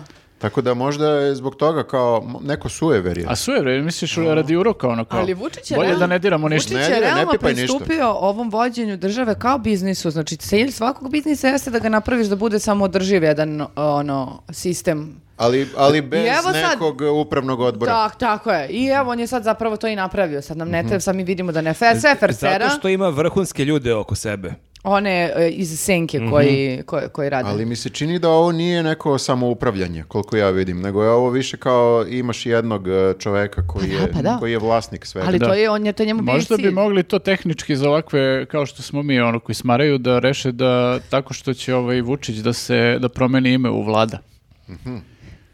Vlada, vlada Vučić. Vlada, da, i to je Dragi lakše. građani, danas sam se formirao. Vučić vlada. Čestam vam na, na meni. Da, Vladimir Vučić. Da. Može. Vladimir Vučić vlada. Može i Vladislav. Dovla. Eto, Šef vlada. I to smo Tako da rešili. eto, da, mislim, eto jedno rešenje. Dobro. Potencijalno.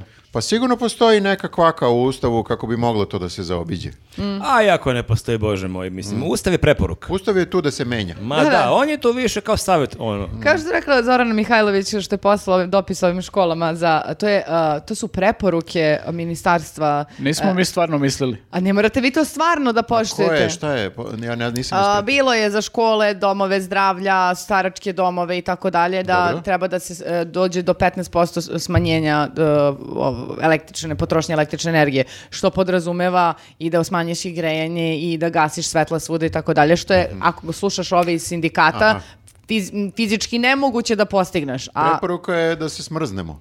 a Zorana kaže koristite glavu, Mhm. E, nemojte da čitate to što smo mi poslali, nego koristite glavu vašu i onda isključite samo Mhm. Pa Šta je se svetlo. Zora neki koeljo postala? Bukvalno. Nije, to nije obavezujuće, to je to, To da je, kažem. da. Mi smo vama rekli kao ovako vi bi vidite šta trebalo, ćete. Da. ali namigne onda. Ali realno koga zabole? A Realno. ne, u stvari ona je rekla, mi smo tu samo hteli da vas ispik, ne ispipkamo, nego kao da o, o, a, a, istestiramo um, e, Šta radiš teren, ovo? a, da, pa da, da vide kako će ljudi da reaguju. Ne razumeš? smo hteli da vas ispipkamo. Cilj Jer je su ove- oni u cilj je se- vlade da vas ispipka. Oni su svi, sa svih strana krenuli da pipkaju e, javno mnjenje, Da. vide gde su nam tačke pucanja, To razumeš? se zove više sondiranje. Jer za mleko, nestašicu, to možda nećemo da iđemo na ulice. Ali, brale, ako u oktobru ne bude grenja, Znaš šta, e, mi treba da pošaljemo dobar primer i mislim da i dalje imamo ove dve upaljene lampe. Mislim, treba da kupimo slabije sjelice sljedeći podcast, da ovo barem su one kažem... štedljive, Marko. Ovdje već imamo šta Ali da imamo još štedljivije. Šta su još štedljivije? Pa ne znam, sigurno postoji nešto. Za 15%. Znaš šta je još teljivije? Da možeš pedale da vrtiš dok pričaš i da pumpaš Pa ove... Ili da 15% podcasta budu ugašene ove dve lampe. Da To tipa ili- prvih 15 minuta budu ugašene i onda ih upalimo. I barem onako da stavimo neke one sjelice što čkilje. Onako, onaki baš siromašne. To je one takozvane hipsterske. Što gledaš u mene dok to izgovaraš? A Joko mene će. Ja imam normalne sjelice u kući, ne A znam o čemu znaš, pričate. znaš u Cetinskoj kakve su sjelice. Jeste to. E, idemo dalje. Znači, a, sljedeći put kad budeš seo na pivo u Cetinsku, bukvalno ću tražiti da se o- okupi ekipa mi- da te linčuje. Možda mi zabrani ulaz u Cetinsku, možda bude moja slika i ono precrtana. Sram te bilo. Ali čekaj, ali oni tamo imaju neki sindikat cekin, cetinske ili upravu. Ko će ti zabrani, mislim, Ma tamo to su sve svi, komunjari, ja ono- mislim, da, da. Pa ne, hoću kaže, ne postoji neko telo koje će ti zabrani ulaz Trebalo u bi da te Cetinsku. bude Druže, sramota. mi, mi da- nemo vladu Srbije, valjda nemo ni vladu Cetinske. Možda Znači- su oni bolje organizovani od vlade. Treba da te bude sramota da sljedeći put odeš na pobe- Evo ovako, da kažem javno. ako me bude li vidite u neko Cetinskoj- Da video kažem Marka javno. Dražića u Cetinskoj ulici? Čekaj, e, samo u kafićima ili ne smijem ni da, ni, ni da proštam ulicama? Na parking ne smeš da Znači, Od kročiš. onog parkinga unutra ne smeš. Znači, nijedan koncert za novu godinu. Kakav kanda kođa i O nebojša. ne, hteo sam baš da idem u Cetinsku sad na Arta koncert. Znači, Lili, ma bilo koji koncert, bilo Pa kako ću pivo. ja, kako ću ja bez Artana Lilija sad, objasni mi. Ne znam, druže, sedi dole pa E. ono, gledaj kako mi uživamo. E, ništa ne brini, znači ona malo nije u toku, ta cetinska je ono kao demode već ovaj, sad se taj hipstera i pravi hipstera preselio dole ispod pruge, ono kad prođeš donji dorčol imaš dole ono silose i te, znaš. E, da, da, da. Tako da to je sad prava stvar, ovo je za bumere među hipsterima. E, pregazilo te vreme, Da, koleginice. ne pratiš, ne pratiš uopšte. Bukvalno ste me duplo izvređali, znači prvo da sam ono hipsterka, a onda sam propala hipsterka. koja je Ne to- možeš da ispratiš. E, Hipsterka koja, je pregazi- koja je pregazila vreme. Pa Ovo nikad nisam čuo, propala hipsterka. Sram vas bilo, pritom sam baš za vikend bila na Treba izložbi. da Zar nije pleonazam, to to- je Zar to nije pleonazam. pleonazam? Treba je da uradimo visit karti, ili savjeta Miletić propala. Da. To je kompliment. Sledeće, sledeće To je vizitke- kompliment jer si sada Da. kao fancy. Sad si okej. Da. Stvarno? Ovaj, to ćemo Pa da, ti da. oštampamo na sledećim vizitkama. Prevazišla si i hipstera i to ko znaš. Da. Ali ujedno i malo si ostarila. To je, mislim, Ma dosta ali- više sam mo- moketiranje mene, znači dosta. Malo sam ostarila, u ti si najboljim, u ostario. najboljim Ali on godinama. misli ono kao sazrela si, znaš. Ja sam Saznam. žena u cvetu mladosti, Jeste. bukvalno. Idemo dalje. Dobro. Ali ljuto. A, sledeća tema, isto velika tema, a, nije baš, mislim, vesela kao prethodna. A, mobilizacija u Rusiji. I o, da. I sad se- ljudi je masno, klikću X. Ali čekajte, ima Miše Vacića. Ima, mi- Šta, kao e, misliš da gasi? Biće i smešno, ne, bi, bi- Imam e, e, ruskih youtubera, ima Miše Vacića, ima Firera. Ima, jeste, svačega ima u toj temi zapravo. Mislim, Da. nije, nije baš vedra tema za Ruse, naročito za ove što su vojno sposobni, Ali A njih mi ima ostali mnogo. kao možemo malo da se našalimo sa, sa cijelom tom Ne, e, situacijom. za ove koji su vojno sposobni u Rusiji, a voleli bi da idu u rat, za njih je Za strava. njih je super, da, ali ne znam koliko njih ima, a koliko je ovi što ne vole baš Pa ja da sam ratuju. gledala onaj autobus prvih, prve ekipe koja je poslata na, da se bori i nije, ne deluje mi da su nešto u fazonu. Gde to ima da se gleda? E, Šta ja sam ti video, gledaš? da, ja Gledala sam, sam snimke uh, protesta u Moskvi uh, i ljudi koji su I šta, od, uh, direktno s hapšeni. protesta ih tako vode je, na- oni u- koji su hapšeni direktno su odmah mobilisani i Jeste. gledala sam uh, snimke ispred autobusa gde žene, majke i čerke prate svoju braću Ne, i ne, očeve. sigurno je mnogo takvih videa, mada ja zaista verujem u svakom ratu imaš neke napaljene ljude koji idu tamo da ratuju. E, imaš samo što je, da, s- e, problem je ovdje što ovaj, e, dosta ljudi ne zna zašto ratuje ono, sa strane Rusije. Znaš, kao, ako te napadne neko, ti, ono, imaš motiv, braniš se i kao, braniš svoju kuću, svoju zemlju i sve to, kao, sve što, što imaš zapravo i kao imaš neki motiv i motivaciju. A ovdje kao ne znaš zašto ideš tamo uopšte, kao koji je cilj, šta treba da se uradi, malo je čudno cijela situacija, zašto te šalju tamo uopšte. A i pitanje je da li kad bi skapirali šta se dešava, da li bi ljudi bili za to, ne znam ko je to objašnjavao, da kao n- u startu nije urađena ta delimična mobilizacija, zato što bi to bilo direktno kao uh, pitanje referendumsko u suštini, da li hoćeš da, i- da li si za rat ili nisi za rat, a postojala je velika opasnost da ljudi nisu za rat, kao što sada već vidimo na, na A delu. da, ali čekaj, mi, ne verujem da je baš neka praksa da ti pre svakog rata imaš referendum da li si za rat. Ne, ne, ne, ne, ne mislim konkretan referendum, ali ako ti pozoveš e, na delimičnu mobilizaciju ili mobilizaciju, ako krene da ti masa ljudi beži, to ti je sam znak da neće ljudi u rat da se bore za to tvoju ideju, mislim, nije kao sad na papiru da ili ne. Ja mislim da e, gomila ovih ljudi što su napaljeni da idu u rat, da su oni već bili u nekoj vrsti vojske. Pa Da li- jeste, znaš šta, ovaj... U, ovoj, u ovom prvom talasu koji nije bio rat, nego je Da. bila specijalna Tako operacija. je. E, to sam teo da ne znam kažem. koliko ih je ostalo koji, koji su napaljeni, Ovo- Pa, da. a kao bodre iz pozadine, kao je... I... Da, pa mislim da niko nije napaljen toliko da iz bodrenja pređe u odlazak na ratište. Ovaj. Mm. Mislim da je vrlo malo takvih. Ali ovo što si rekao je o, tačno zato što ovaj, recimo, iz e, Čečeni, ovaj Kadirov, Mhm. sad kad je ono oglašena ova mobilizacija, on je rekao ovaj, mi smo poslali ono što smo hteli da pošaljemo, to je naš maksimum i kao više ne šaljemo kao ljude tamo. To je to od nas. E, Pa To je to od nas, da.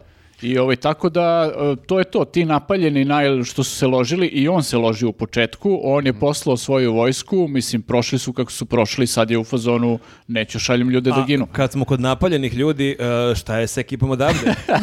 E, to Čuli je smo- posebna priča, da. A, znači, ovo je moglo da uđe u kategoriju nije news, jel tako? Da, je- dakle, da je Miša Vacić pozvan od strane ruske delegacije da ode u Rusiju i da će biti smešten u hotelu koji se zove Ukrajina. Jeste, ali tu se Znači, Mhm. stvarno... Miša je ušao u Ukrajinu. Da, ali to, to je ono, ne znam šta ti je bizarnije, da li to što se tako zove taj hotel, meni je bizarniji detalj da je ruska država njega zvala zbog bilo čega, znači kad su oni spali na Mišu Vacića da im E, bude stvarno neki ja ono se izvinjavam, ne, pomoćnik. nemoj, sad se ogreši čovjek i sti gledao on i njegov snimak kako tu, tuče u A prazno. misliš da je Putin to gledao? Putin je rekao, ovo je, o- treba mi ovi ninja. Ovaj čovjek mi treba. Ali smeste ga u hotelu, Ovaj će- nemojte da ga ovaj- šaljete na ratište. Ovaj čovjek pravi razliku. Ovaj će da vrati Ukrajinu u okrilje Rusije. Samo ga pošaljite u gaćama i ide i šamara. Ja imam jedno pitanje.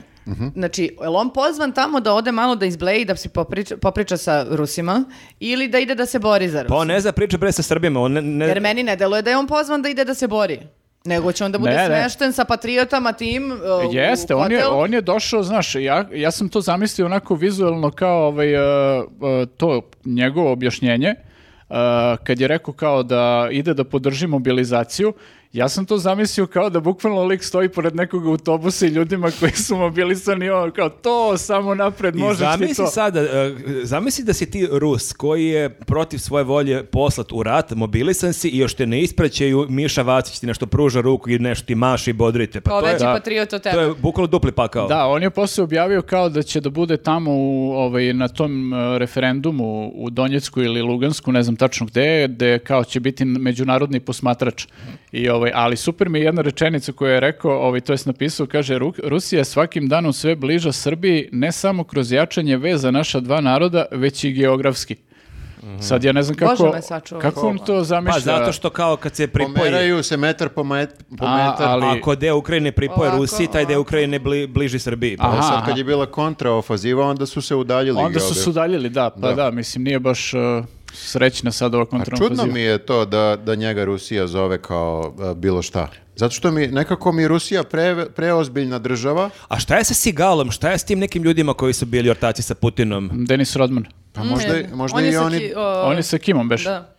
ali vjerovatno bi došao i tamo. Verovatno, da. ga da. pozove. Kao, Nemo. zove Sigala, od, odbija poziv. A Ko je šta je- sledeći ratnik? Miša Vacić, A zove Mišu. šta je Kina rekla da pitam ja? Ne, Ki- e, Kina? na delimičnu mobilizaciju. Ne, no, no, oni se nisu ništa izjašnjavali posebno od onoga sastanka kad su rekli Putinu nije vreme za rat. Ali zanimljivo mi je, ti si imao komunikaciju sa Mišom Vacićem. Je li tebe pozvao da, odeš u Rusiju? E, ne, ja sam imao jedan tweet onako ništa posebno kao nije sad. Ništa posebno, slušajte tweet. Nenade, ja, Ovaj- ja poznajem Marka Đurića, ali ti se dopisaš sa Mišom Vacićem. Ja ne znam šta je gore. Ne, Viktore, ja- o, s kim pazi, mi on, je- radimo? On je meni Pičku samo jednom odgovorio, uh, ja sam ovaj, sad Tako sve njemu počinje. odgovorio i sad, uh, to sad već prerasta u komunikaciju, pa možemo da vidimo do sledećeg podcasta šta Kad će se ćete na desiti. pivo ti i Miša? Da, ali čim dođe iz Rusije, mislim da Vidjet ćemo ćemo Pisuješ kako se je sa bilo Mišom donijeti. Vacićem. Ko će Pazi. koga da sinuje? Da, ja sam napisao ovako, bila bi mnogo jaka fora da Mišu Vacića u Rusiji random negde navataju na ulici, strpaju ga u autobus i pošalju u rat. Dakle, ništa posebno Ali u nemaju tweetu. tako malu uniformu. E. Imaš onu neku e, granicu u visini. Jeste, da, kao, morao bi, pa mislim, morao bi... Ruske ili- majke bi i- moralo posebno bi se morale da- skraćuje. Dajte uniformu XS. Da, uglavnom, e, Miša to baš nije primio najbolje E, i E, napisao je primio. ovako, još bolja fora će biti kad vam tata Soroš uskoro pogasi financije zbog nastupajuće energetske krize, ali vas ne prime nigde na posao na zapadu jer ste ipak Srbi. A što će Soraš da nam pogasi sve zbog... Ne I znam. što Kao- ne bismo dobili posao što smo Srbi? Možda Miša zna nešto što mi ne znamo. Pa kao Soraš e, e, isto vodi računa o štednji i on mora kao da sad Mora da kupi seče isto štednju Ali za što sijalice. mi ne bismo dobili posao negde na zapadu zato što smo Srbi, to ne Pa- razumijem. A i ta priča o Sorošu, to je tako ono 2000-ta, mislim, ono... Za, Pa, ako na kraju ćemo- krajeva sa da. Sorošom je Vučić je ortak. To sam teo da kažem, da, mislim, taj Vučić sa kojim je Miša jel ortak i služi mu kao za neke te ono, nepodopštine kad treba, ovaj, taj tvoj Vučić se sastaje sa Sorošom. Ali to I starijim je- Sorošem i mlađim Sorošem. Ne, samo s mlađim. Ali upoznaj starijeg, a Jeste, e, da. sad ja Jeste. mislim... da- Jeste, jeste. Da li je Dritan se beše slikao sa starijim Sorošem? On čini mi se sam vidio neku E, fotografiju. Sad ovih dana. Da, da. u Moguće, Njujorku, da, pošto je u Njurku, da. Tako je, tog Soroša znaju bukvalno svi osim nas. Da, nije to kao sad ti ćeš da me diskvalifikuješ time što mi pominješ Soroša, jer kao i tvoj šef se sastaje sa njim. Šta ti kažem? Ma neka si ga, kako se kaže, disovo. A to mu objasniti na pivu, što ne lepo, na tenane. Oću ako ga ne pokupe negde i pošalju na ratište. A što, što je otišao? Nije, nije mi jasno što je otišao u Rusiju. Koga je zvao? Da, kao da je neki influencer, kao Pa kad on Rusi... kaže da su ga zvali ovi. Ja ne verujem. Ali to ja delo ne da- verujem. kao da je on ima takav autoritet da kad ga Rusi vide će biti fazono evo kad me Miša poziva idem. Pa To, to, to, taj deo mi nije jasan jer Rusija i dalje, nekako pada mi Rusija u očima.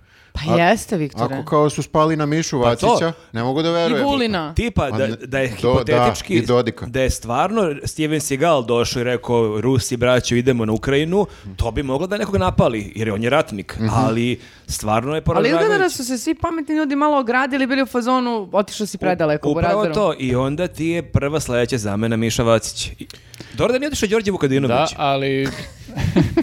da, ali Pa mislim... i to je ipak ozbiljnije od Miše Vacića. Pa moramo jeste, da da. kažem. on bi umeo I da što, na kaže. primjer, nije ovaj, Vladimir Đukanović otišao?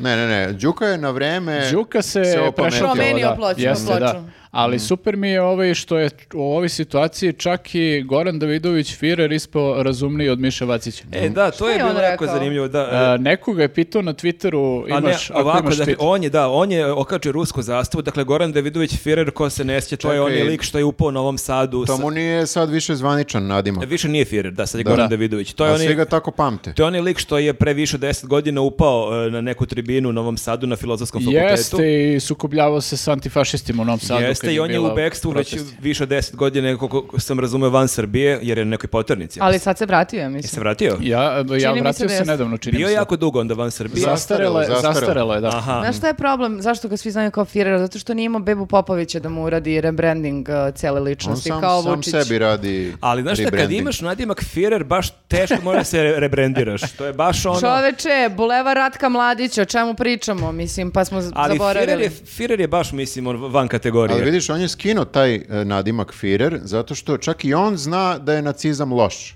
ne. A? Mislim da je samo u fazonu malo treba da se smiri pa će da...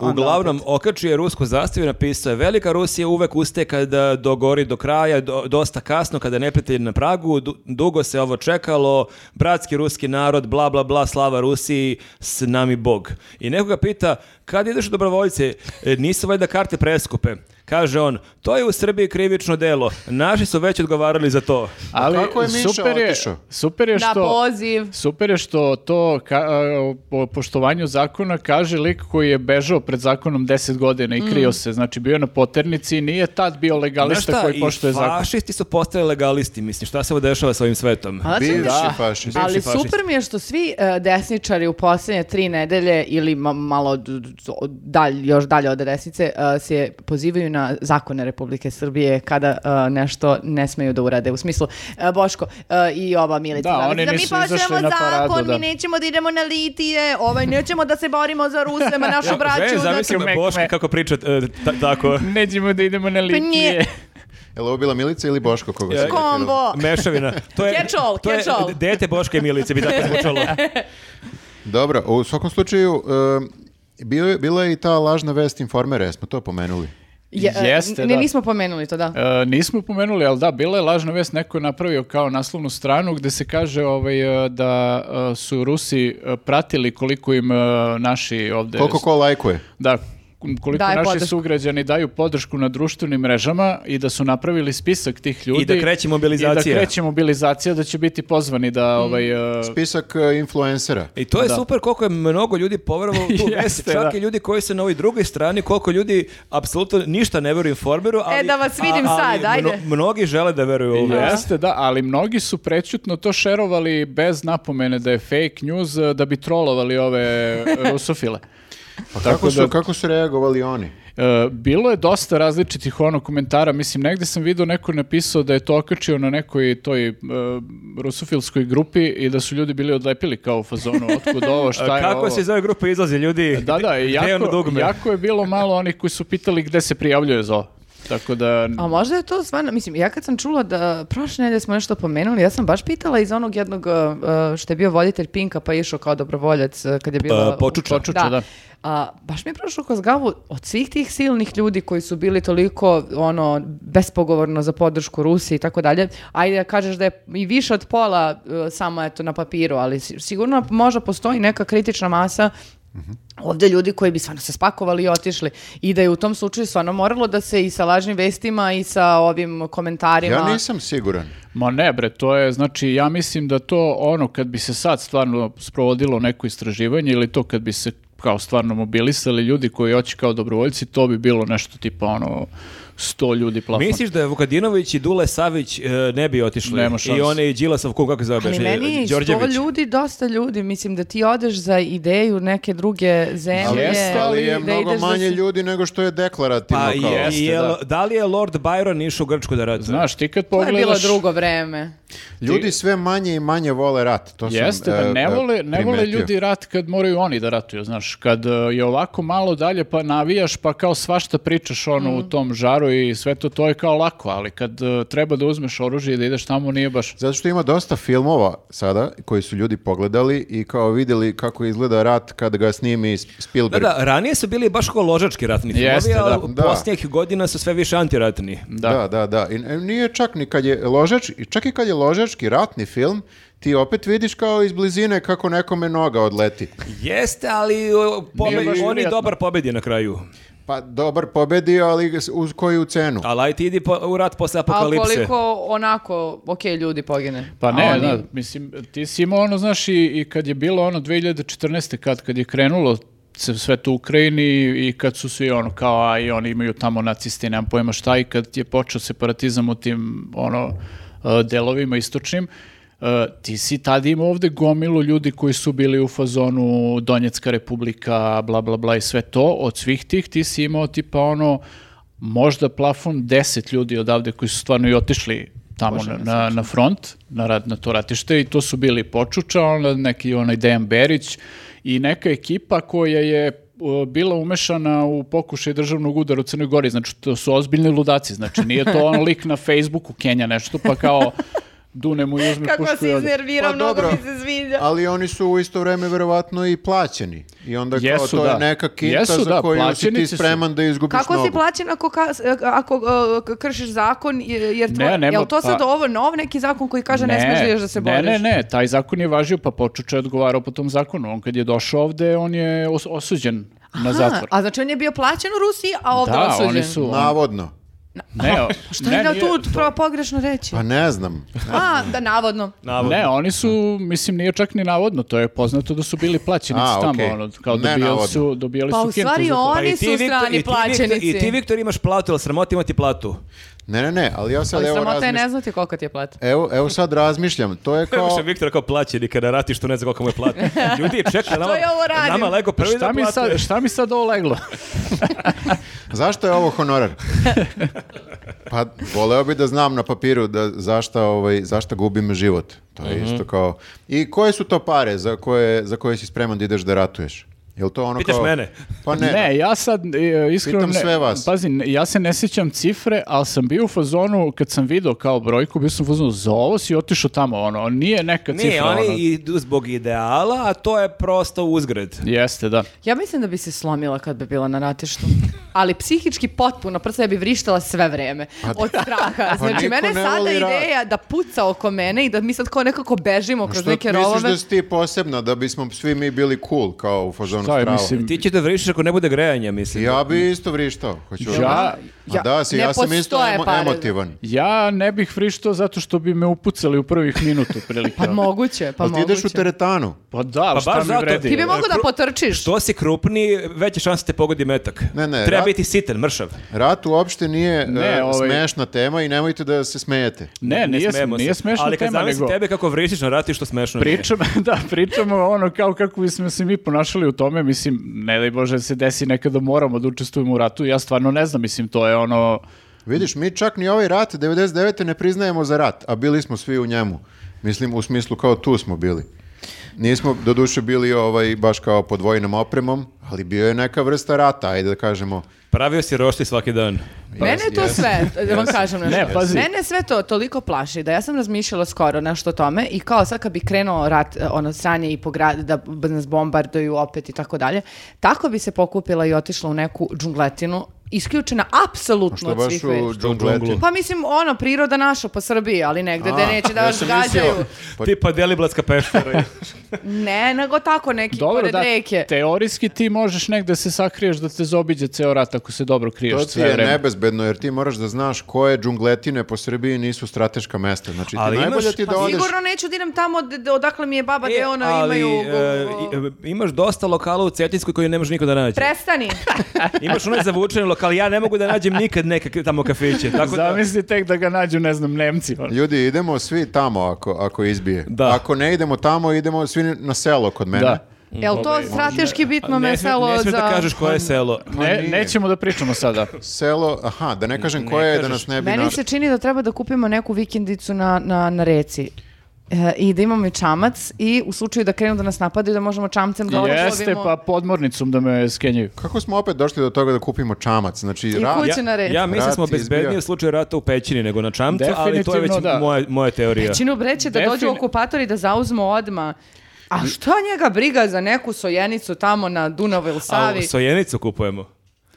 Da. Ništa, ako prodajete neku dobru sojenicu, Pazi, javite Ali da se. nije blizu strateški e, važnih... Nečeg e, bitnog, da. Ali definitivno moramo nešto da smislimo neki plan, jer ovaj, ja sam gamer amater, ne znam da li znate. O Bože, Bože. Gej.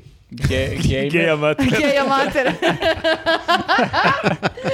I kako ti Ovaj, ide za sad? e, ja sam- Koliko si se ja sam- otvorio? Kad postaš profesionalac? ja sam gamer amater i sad kad igram te neke igre, a m, većina igara je tog tipa kao neka pucačina, e, to je, znači ti tu imaš kao, ne ubiju te odmah ako te pogodi metak, na primjer, može, te ubi- e, može da te pogodi tipa 10-15 metaka. Samo ti se metaka malo pre nego- zacrveni. Da, kao nešto, pa ti se obnovi energija, znači ti to, to nije realno, ti ne pogineš tu odmah. E, I pritom e, mnogo ima onako više kontrole nad situacijom, jer kao ti nisi u ekranu, nego si ono kao tu i imaš joystick.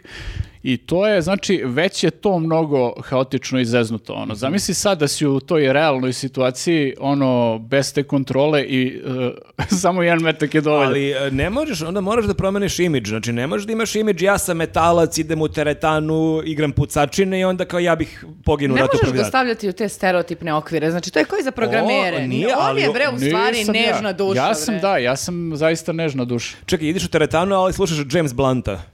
Slušam ja svašta, mislim, nije sad ovaj... Pusti nekad čovek Jelenu Kitić Ma jeste, da bre. ga razgali. O- E, Ovo je Jeste. potpuni, čovjek je fake, ne znam, a, jel znaš da napraviš dva albuma Napalm Deta, ne znaš. E, tako da, to smo rešili. Ali, ja, Kako je besplatan Elem, da upravlja al- što radi ne, ovaj al znaš šta, Dražić? ni- ja, ja jesam ovaj kao to, ne znam, metali, met, metal teretana i to, ali ja se nikad nisam ložio na rad, znaš, to je ovaj...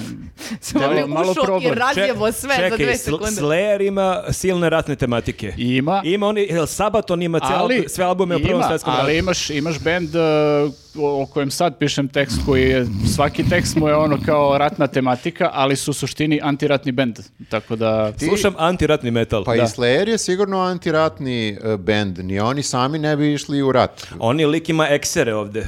Pa ima eksere, ali on ti ukazuje na to koliko je Ko rat su grozan. ekseri opasni? Kao i svi ti filmovi što su snimljeni a, e, ratni, a zapravo su antiratni, jer ti toliko dobro vidiš tu koliko je to krvavo i koliko to nije za tebe. Tako i Šone, verovatno, kad gleda sve te be- bendove koji e, Cannibal Corpse, ti bi pomislio posle toga nikad ne želim da, da jedem e, Ko zna- leševe. da, ko zna šta će ovaj lik da uradi? Šta slušaš ti, Cannibal bre? Corpse, to znači Nisam da... čula za Kako jedan Cannibal je Corpse. leševa? Pa malo peta bre. Pa, ka- Imaju- pa tako se zove bend. Ne, ovaj, ok, znači imaš ti, kao što je recimo Sabaton koji smo pomenuli. uh, ti Koje sam sad- ja pomenuo. Ti si Mhm. pomenuo. uh, Posle ja ne znam oni metal. Su, oni su čak imali kao neke optužbe to kao da Kako se sad glorifikuju... nervira što ne zna ništa o Da, tematici. imaju ovaj, optužbe da glorifikuju rat i slično. Oni su u fazonu, mi samo pričamo priče koje su nas inspi- inspirativne su bile, pa su imali Tačno. priče čak i o, ne znam, oslobađanju Beograda i ono, dosta toga ono, opisuju samo kako je I tekao ti neki onda događaj. kao ono. slušalac zgaditi se život kad pomisliš na rat. Pa da, mislim, to sad zavisi od slušalca. Ako je neka ložana, može da shvati i pogrešno. je- nisam ali- ali- primetio ali- neki porast ali sada to ljudi jeste koji- problem inače sa umetnošću što recimo film Rane, ajde, nije ratni film, ali to je zaista velika bila kritika kriminala i tih Jeste, godina. da, ali su ga mnogi shvatili mnogi lju- drugačije, Mnogi da. ljudi su reagovali kao posle južnog vetra, kao "A, mi se puca i slično. Ali da li su otišli stvarno u rat? Ja ne, nisam, nisam siguran. Znaš, oni se kao... Nisu, ali se lože malo na ono kriminal, malo Ali to tu teretana, u- djelovanje, to u nešto kraju. sitno. Navodno, navodno. To je sve i dalje mnogo bezbednije od rata. Jeste, jeste. Mada tribina nekad ume da bude baš zajebana. Da, dobro, to je, to da. E, a šta će još biti zajebano? E, Tu temu nismo napisali, ali sam se sa- sada setio. Ono što će biti još zajebano u narodnom periodu je popis, stan- popis stano- stanovništva, ne mogu da izgovorim. E, to stanovništva, jeste zašto? problem. Pa mi smo već jedan popis preživjeli 2010. Pa na svakih deset godina mi preživimo po jedan popis. da, da, A što da. to radi? Što je to opasno? E, Pa Ti zato nisi ispratila priču. Moramo da se Ne. prebrojimo koliko nas je. A, Popis se vrši jednom u 10 godina, ali ovaj popis se razlikuje od svih prethodnih, što sada mnogi teoretičari zavere koji su bili protiv vakcina, koji su, ne znam šta već, prošle godine, prethodnih godina ukazivali na neke opasnosti, sada su targetirali da je ovo velika opasnost. Pre deset godina nije bilo toliko teoretičara zavere. Mhm. I onda niko se nije bavio time kao u fazonu da li da dam svoje podatke u pop- popis ili ne, nego su svi rekli kao u A fazonu... što je problem da da što pitam, jel ne? Zato što možda posle s tim tvojim podacima mogu Nešto da... rade. To nešto Amerika i rade. Engleska zlopotrebljavaju i onda znaju sve o tebi. Da, znaju gde živiš i onda ti pošalju na adresu, na primjer, nešto što ne želiš. Mislim, to sam lupio sada. Kao, na primjer, um, posljednji album E, kao, Cannibal na primer, Corpse-a. ili, Pa, na po- primer. ili poziv za mobilizaciju. Pa, na primjer, znaju gde živiš i onda automatski mogu da time manipulišu. Ali to je stvarno fenomenalno, to sam tada e, kažem u prošlom podcastu i zaboravio sam. Dario Hajrović je baš napisao na Twitteru kako će verovatno sledeće, ono, sledeća tema za teoretičare zavere biti popis stanovništva i bukvalno dva, tri dana nakon toga su krenule Viber prepiske i upozoravanja da nikako ne otvoriš vrata popisivačima, da ništa ne odgovoriš ne na jedno pitanje. Jel ti smeš Mm. e, e, zakonski da ne kažeš ništa, da ne otvoriš vrate, da se kriješ? Ba, ne smeš, mislim, e, smeš da se kriješ, ali kažnjivo je po zakonu mogu da Ti, ti, održu mislim da neku smeš da- kaznu. da ne odgovoriš na neka pitanja. Imaš, ne znam, tri ili četiri pitanja na koje kao možeš da ne odgovoriš. Ono nacionalnost, veroispovest i to. I Ima da nešto što Toga je se kao sećam. nešto A možeš. adresu, jel možda im kažeš pogrešan broj? Kao, Kako kad ti se ispred vrata stoji. Pa nema veze. Ja ti- sam, o- ja sam, Ako dođe kod tebe, teško ja će sam to da broj prođe. 76. ja sam volt dostavljač, ovde ne živim. Gospođo, na vratima vam piše 23. Ne, ne, ne. To je 76. To vi tvrdite. Da, da, da, pa ne. da. Ali bit će stvarno poražavajuće ako shvatiš da, ne znam, određen broj ljudi neće, nisu zavedeni jer su bojkotovali da otvore vrata po posivačima. Kako ćemo znati onda koliko nas ima? To je, Kako ćemo znati da nas je više nego Hrvata? To Da. je, da, ključno. To je jedina poenta popisa, valjda.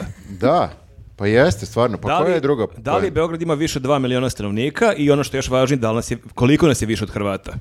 E, zašto ljudi sada neće da, da daju?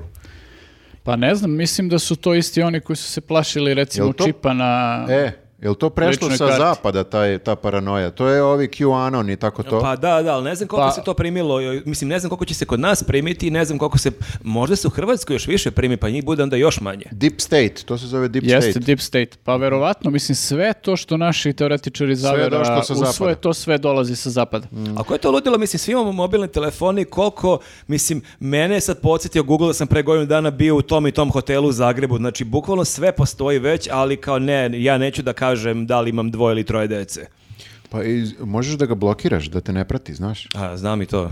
Ali baš te Ali briga. Ne znam ali se kako to čekiraš da- ovaj- negde, na, da, ne znam kako za početak, ali prijeviš se negde na Wi-Fi, okačiš neku fotografiju. Mislim, mnogo ljudi više znaju o nama nego pre 20-30 godina u svakom slučaju. Pa dobro, i dosta toga mi damo te informacije zapravo, tako da... Ja sve kažem, bukvalno. Da, ništa ne umem da sakrijem. Pa što onda možemo, kriješ? možemo da se sakrijemo ako hoćemo. U Znam pećinu. gde, u pećinu, Mhm. tačno.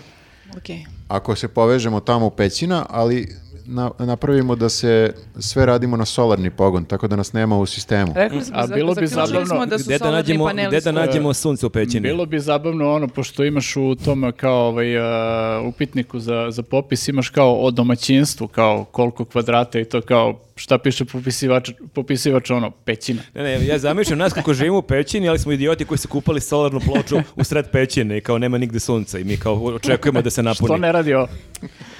Dobro, Tako ajde, da, ako- ovaj, da. bit će za- zabavno vidjeti šta će se desiti na ovom popisu, mislim, pošto ovaj, dosta ljudi ima koji su uplašeni, ali e, baš me zanima da li je jači taj strah ili, ili strah od e, plaćanja kazne, ono. E, da mogu ostaneš ljudi da bez nam- nekoliko desetina hiljada dinara. Mogu ljudi da nam u komentarima kažu jel će da učestvuju Gde u žive? popisu ili neće. Gde živi da odgovara na pitanje sa popisa? Ne, ne, E, ne, ne A može. koliko popis može bude zabavan, daj budimo realni, to je najdosadnija stvar na svetu. Ne može da bude to toliko sad kao u Pa fazonu. može ako kažeš da si eskim, ako kažeš da si ne znam. Pa ono, dobro, To da. je već malo ono, so 2010. Ono. Da, to Jeste. je prežvakano. Moramo Ono da Prežvakan. smislimo šta smo u slede- za ovaj ovdje, za ovaj novi. Pa što bismo smišljali, zar nije Pa zato iskreno što bi bilo kažeš? zabavno.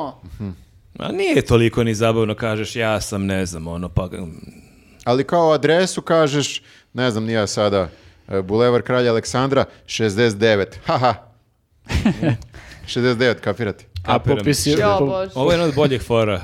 a popisivač te gleda ono kao nije mu do života, već je čuo 15 takvih budala danas. Ona. Svako bude kao loše duhovit. da, da, da. Popisivač, please kill me.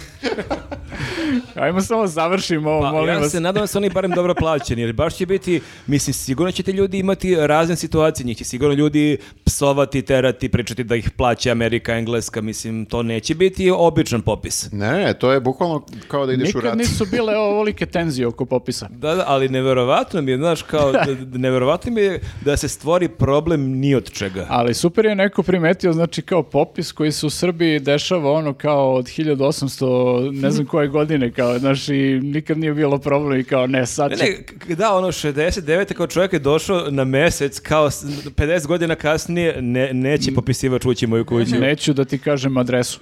Popisivač s gradom neće šetati. Bukvalno, i onda krene ono parada popisivača.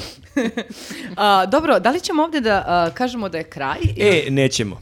Zato što dugujemo od prošlog podcasta da kažemo jednu stvar. Ajde. A, Gologoz je čovjek ispred crkve Svetog Marka. Šta s njim? A, A, dobili smo jako mnogo komentara kad smo pričali o paradi ponosa da nismo, nismo njega pomenuli? spomenuli. E, tako da treba ga spomenemo. koliko dugo ćemo pričamo o njemu? E, moramo 7 minuta. Dobro. O je. Izvoli, Viktore, mikrofon je tvoj. E, taj gologuzi čovek, pre svega nije običan gologuzi čovek, Nego ne- seksi Gologoz je čovjek. dobro i to je, ali je i albanac, što ga čini još više To je seksi. duplo zlo. duplo, duplo zlo I duplo golo. triplo zlo zato što je stajao ispred eh, crkve Svetog Marka. Sad nisam Jel on siguran. svestan da je ispred crkve Jel Svetog on svestan da je albanac? Marka? Ne, jel on svestan da je ispred crkve Svetog Marta kada je da je Svestan, tu jel sliku? svestan da je gologuz? Sigurno je svestan zato što se ta crkva baš lepo vidi u pozadini one eh, njegove pozadine.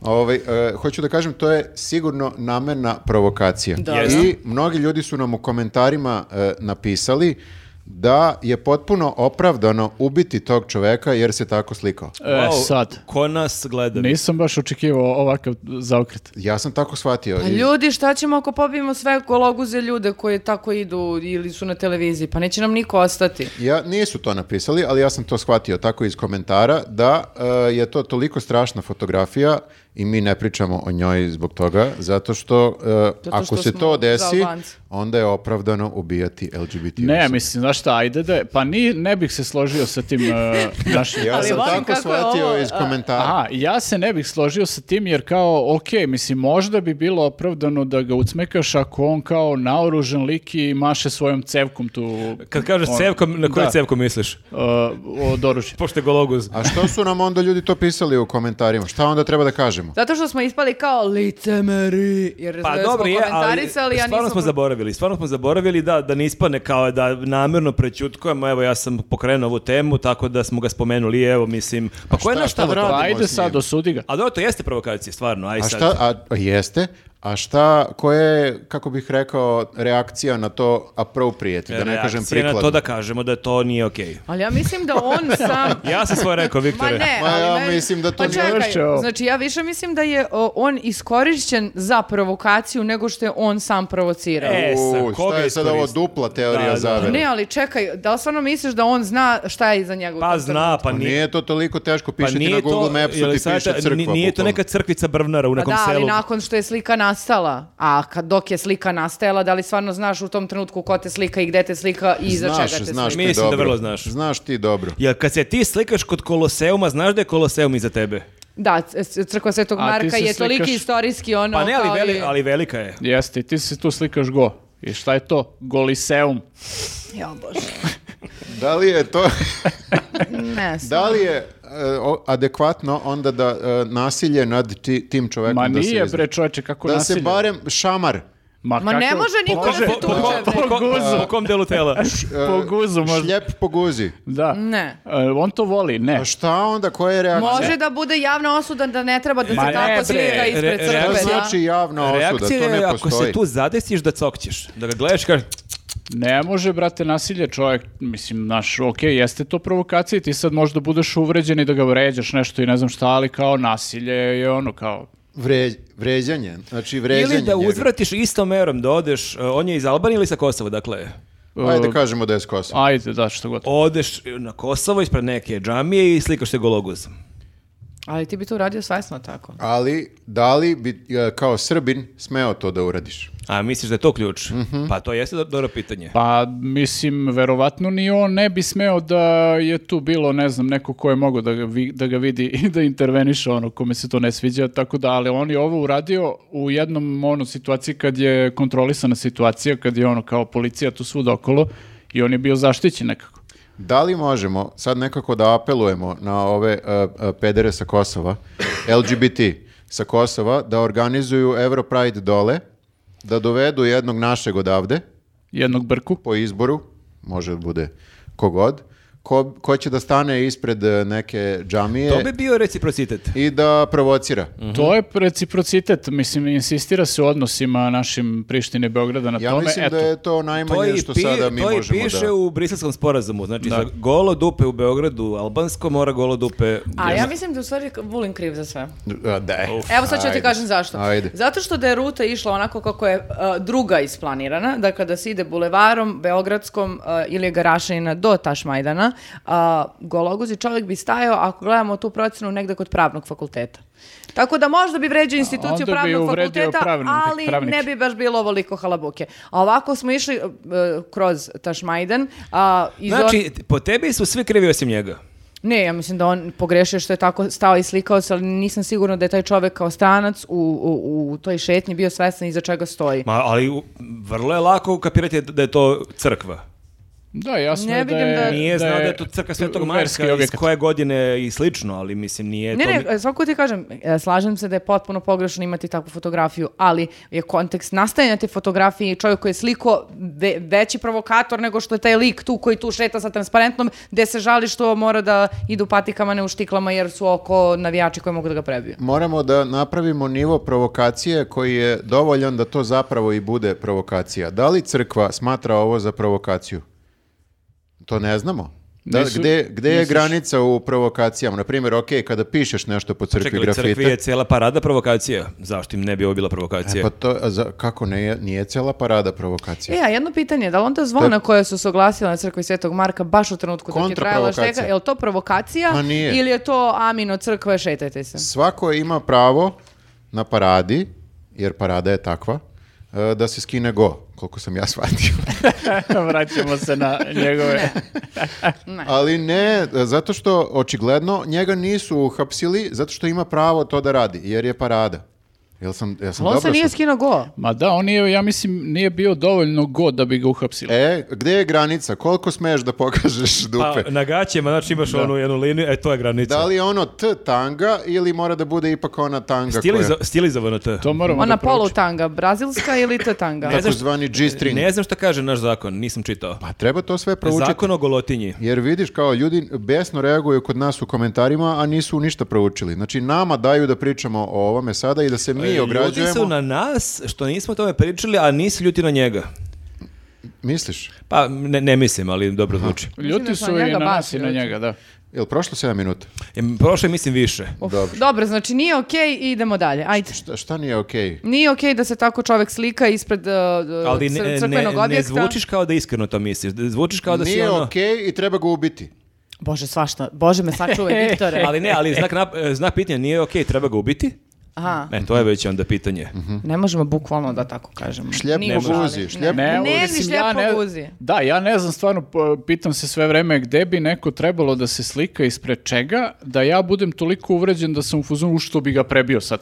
Ili što bi ga ubio, mislim, stvarno mi je to ne, nepojmljivo. Mhm. E, pa ti se ne uvrediš tako lako, to smo pričali više puta. Neki ljudi se strašno vređaju i jako ih kopka mnogo toga i pogađa. A Pa da, ali mislim, s- samo razmisli, lik se slikao ispred nekog objekta, ok, sad je to crkva, kao da li si stvarno spreman da ga fizički povrediš zbog toga? ono? Mislim da bi, on, da bi ti neki ljudi bili spremni da fizički povrede onakog čoveka bez da se slikao ispred crkve. Verovatno, da. Tako da... A opet imaš onaj moment kao rat u Ukrajini što mnogi bi ga povredili u komentarima, ali da ga vide ne bi. Neki sigurno Da. bi, ima i tih huligana, ali verujem da ogromna većina ne bi ništa uradila da ga vidi. Smišljam nešto što bi Šoneta uvredilo, ne mogu da smislim. Gansi su najbolji metal band ikad. E, Skid Row, Skid Row. Nije, nije mu ni to. Vidi, vidi kako Nije, mu- E, nije. Skid Da. Row su amplituda. jedini pravi metal zapravo. Teško ga je uvrediti. Dobro, šta je, hoćemo da završimo ovu temu, uh, kao zaključak je šta i da idemo dalje. Zaključak za šta? Zaključak Za za ovu temu. Pa zar nismo Gans- malo, ti si rekla kao Gansi ovog su čovjeka najbolji treba metal ubiti. band. Ne, A sa znakom pitanja. dobro. Evo tu kraj. To je kraj. E, pa dobro, ništa, a možemo onda da pozovemo ljude da pogledaju naš sledeći video, m, komentari. A, da, imamo koment, imamo i relaks temu. I Patreon, ko Rel- plati? rel- relax temu imamo. Imamo, da. Imamo, da. A, to nisam znao. Da, Wow, da, pa imamo- jedna jako seksi tema. Jeste. Vedra pre svega, onako. I ništa, nastavite da nas podržavate na Patreonu i na YouTubeu, da nam bacate pet kad nas vidite na ulici. Da. To isto već neko vreme ne pričamo. Svima sem Grafi i Vladi, pošto oni više nisu deo ove ekipe. Ali im šaljite A privatne kakav je to poruke. paradoks što je Grafa nama poslao poruku da mu se juče prvi put u životu desilo da mu neko rekao Newsnet baci pet. Prvi to, i poslednji. I to baš sad kad više nije deo podcasta. Da. Ne, pa to ti je život. Ali ako ovo četvoro vidite, slobodno nam se javite. Da, da. Živ- život piše loše pesme. E da, i ako ste u Ćupriji ili u blizini Ćuprije u petak, sratite u kafić koji se zove Vagon, a, da se družimo i pričamo. I ako imate 150.000 evra viška, javite se. U Da. ko- Ne morate u komentarima, to pošaljite privatnu poruku. Gde može? Ćao. Mhm. Ćao, vidimo se. Ćao. I evo nas ponovo. Šta Evo, e, imamo? A nismo Je. negde ni odlazili, tu Pa- ovo se samo nastavlja. Ali Pa, nisam- stvaramo iluziju da smo bili negde. Aha. A- Ali s- obučeni smo isto, da, lo, loš Bukvalno komentar. se nisam pomerila s mesta. I evo smo ovde ponovo, dakle šta imamo sada? Dragi Komentari! ljubitelji sporta. Moraš da imaš uvek taj entuzijazam, kao ovi voditelji jutarnjeg programa, moraš uvek da imaš tu Jest. euforiju, ničim izazvanu. Okej. Ili radijski voditelji, to je najbolje. A, radijski to jutarnji je program. najbolje. Čitaj komentare ili savete da vidimo šta su Mene nam poslali. najviše nervira kada radijski duo krene da baca forice i da se kidaju od smeha Mhm. a, i da ne mogu da govore normalno, ne kapirajući da sada ti slušaš samo... Ti tvoje- čekaš da oni završe. Da, da oni Meni aj je sad uvijek bio govore. problem to, pogotovo ranije kad smo tek počinjali da gostimo po nekim emisijama, kad tako moje prva gostovanja, taj neki jutarnji program i na radiju i to kako me z- zatekne ta količina euforije. Da, da. Ja, ja on tek ustao, ne znam gde sam, još on imam tremu, prvi put u životu na radiju, ono kao, i s nama je već dobro, ovog jutra, Marko Dražić, i kao, "Dob- dobro jutro, ono, baš pakao. A i- Može Zato što kafa. oni su zatvoreni tu u svom studiju, nemaju nikakav kontakt sa spoljnim svetom, za razliku od nas koji imamo komentare. Okej. I mi znamo da se ponašamo normalno pred, pred mikrofonom. Ali možda to, ali i ono kad ovako pričaju uh, sa osmehom na licu, možda je danas kišni dan, ali nemojte to da vas... Uh, A Zamisli da im svaki komentar kaže jeste normalni, zašto se smejete? Prestali bi da se Ljudi, smeju. kišni je dan, nemojte se smijete, nije nikome do smeha. Pa pazi, ja, ja ne znam kako bih reagovao na depresivnog ovaj, voditelja jutarnjeg Uf, programa. Kakvo jutro. Ja, ja bi Jebote, ono. pre to slušala, ljudi. Ljudi, kakav kolaps Jel, na gaz- vidite vi ovo, ka, šta je ovo, kako je ovo kiša? Kolaps na gazeli, a zato je barem i kiša. Svi će da izginemo. To bi bio Uh, Ovako. zanimljiv koncept da se isproba. Dakle, šta imamo od komentara ovog Prvi dana? komentar e, koji vidimo ovdje, Slobodan Kojić kaže, ulepšali ste mi godinu okrenuvši kameru ka Teodori. Ma evo da U, ulepšamo pa još eto. jednu... Ajde, Jel Dražić. možemo da ulepšamo još Zaro- jednu godinu? Zarotiraj tu kameru pa nek ide život. Ma ajde bre, Čovjek će da dobije srčku, e. Šo, ajde, a Kio. ona ne samo srčku, već i šest možda ni hudara. Vidi koliko je presrećna što se Je snima. malo neprijatno sada. Pa E, to je bio uh, Stanley Kubik Newsneta. Jel ovo sad snima i mene i Šone? Koliko sam vas Jeste, sad dobro sam ga ukadrirao vas dvojicu, dobro. Pojeba ga, Ne pojeba ga, moraš, ne Teodora moraš će da kontroliš. pro- Teodora Veruj će mi da na reč, proveri. pod kontrolom ja je sve. verujem da je Teodora lepši Znači, kadar od nas dvojice, Vidi se, ali... ceo Viktor i Šone to desno rame, znači perfektno. Kako se zove ovaj sad što je, da mu odgovorimo radijskim glasom? E, Slobodan Kojić. I, jel da, Slobodane Kojiću, nadamo se da ste zadovoljni ovim što ste vidjeli. ovog i jutra sunčani Ovog dan. kišnog Samo za jutra, vas. samo za vas, Teodora. Ostrašćeni radijski voditelji. To smo sad. Ali možemo stvarno da uvedemo, pošto je bilo još nekoliko komentara za Teodoru, možemo da u svakom podcastu uvedemo neku rubriku da se kamera okrene ka Teodori. Ljudi, Kako to a- rubrika sad? E, o- shvatate da ćemo odlazi nam izgubiti se- ženu? Odlazi nam upravo. Bukvalno, e, drugari, od sledeće nedelje sam Imam ja u Berlinu nešto. i ne vraćam se e, više drugari, nikad. snimam Galebo sledeće nedelje, on me ne snima. Pa Poz.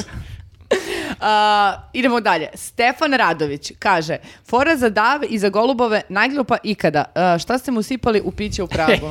Na- najgluplja u Jeste, pozitivnom da, da, i- smislu. I, na good way, E, da. ali moram da kažem da je bilo i dva, tri komentara da je to najbolja fora bila ikada Jeste, i da. ovaj da je najgluplja. Tako da i podijeljena su mišljenja. Dav znači golubica.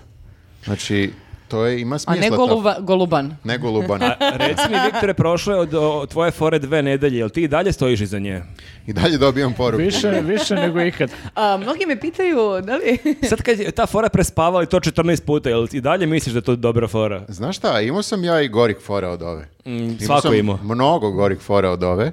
Mo, zabeležit ću je negde kao Jednu od fora. jednu od fora, ajde tako da kažem. Dobro je zato što možeš da vizualizuješ to. To je ona fina granica kada je fora glupa, ali nije, e, toliko je simpatično glupa da je dobra fora. Znači, Jeste. a, a ta- to je baš tan- tanka linija. Da. su ljudi pokušavali da nađu i neki dublji smisao te fore u smislu kao da golub je u prenesenom značenju kad e, jeli, puštaš goluba. I onda da se od tih mirisa prave sapuni. Nije, e, sad mislim, to je Nisam, baš... nisam toliko daleko otišao, Ne, ja vidim ali drago ovde- mi je da ljudi misle da ima Da, da, raz- nečeg iza toga. Mm. Razmišljaju o tome, ali ja mislim ima ovdje i biznis ono komponentu ta fora, mislim mene čudi da neko već nije napravio sunđer u obliku goluba koji možeš ono da se Trljaš. trljaš po telu. Da, gledajte se u fazonu, e, Viktor ipak previše pametan, ne bi on tek tako lupio foru koja nema još šest slojeva. Sa dve nedelje sede sa ono tablama debunking Viktorovih fora. Zapravo- Kako misliš sunđer od goluba? Nisam sva, taj, samo da se vratim. Čekaj, znaš ono kad imaš na primjer sad imaš one razne neke čičkice kako se to zove Čičkice. za Pa to je Čičkice, zvanični naziv, čičkica. Da, či- ne, ne znam kako se Nikada to u zove. životu nisam Kako se imala. kaže na norveškom čičkica? imaš sunđere, imaš one neke mrežice za e, Jest. to. I sad kao, ako imaš sunđer koji je ovako oblika sunđera, Jeste im obliku srca i i cvjetića. ima, e, ima cvetovi, neki glupi, neka srca, A u obliku da, goluba. što ne bi napravili Si u mislio obliku od pravog goluba? goluba. Ja sam mislio od goluba. Ne, ne, ne, nego u obliku Da ga pre- goluba. prepariraš goluba i onda ga nasapunjaš. Pa onda bi ti to perje služilo, da služilo za neko nasapunjaš goluba. ča- češkanje, a ne čišćenje. Sapunjaju se mačori, valjda. Pa sad kako E, ko? A sapunjaš golubom. Nenade, na tragu si nečega, mi već neko vreme pričamo o merchandise i da bi Da. bilo okej da krenemo u nekom momentu prodajemo Možemo da i napravimo mi šolje, tog goluba. da mi patentiramo sunđer u obliku Tako je. goluba. Na srpskom, ko nije razumeo, uh, merchandise znači mrč. Mrč to znači... Znači online shop, kao ovi što su u Švajcarskoj, samo da u Srbiji bude. I E, imaš, kao da. Digitek. I imam već razrađeno sve, znači možda imaš i te golubove kao za u ruku, a možeš i ono da... je I za nate- pod ruku i za u Ne, ruku. imaš i ono da natekneš goluba na ovako jednu, uh, kako se to zove, letvu i onda ko ne može da dovati leđa da ovako može Ti si golubom da... bolestan čovek. uh, o- A nat- ošmirgla leđa. natakneš goluba, baš ga natakneš onako, baš ono... Nikola Tesla Pa da. natakneš. Da, da. I- I ovo je sve sad kao zahvaljujući moje fori. Tako je. I znate šta je Ok. sad dobra stvar? Što je nama Digitech sponsor, oni imaju online shop u Švajcarskoj, onda možemo da to testiramo na švajcarskoj publici. Tako je, da vidimo kako će da prođe. I zaradimo milione i kupimo pećinu. Sve od glupe fore. Ja Nije mislim loše. da ovo treba da se razradi. I još gluplje ideje, mislim, za pećinu. Šta? Apsolutno. Dobro. A, Milica Radaković. Rekonstruišem temperaturu za proteklih e, 900.000 godina na osnovu fosila dok vas gledam i slušam. Svi fosili kojih, se, kojih za sada imam 65.000 su također slušali sve vaše podcaste. Vo, doktorirat ću za neke dve godine i molim vas da makar do tada istrajete. Šta, koje je to zanimanje? Ali dobra stvar sa fosilima je što mi uskoro kupujemo pećinu.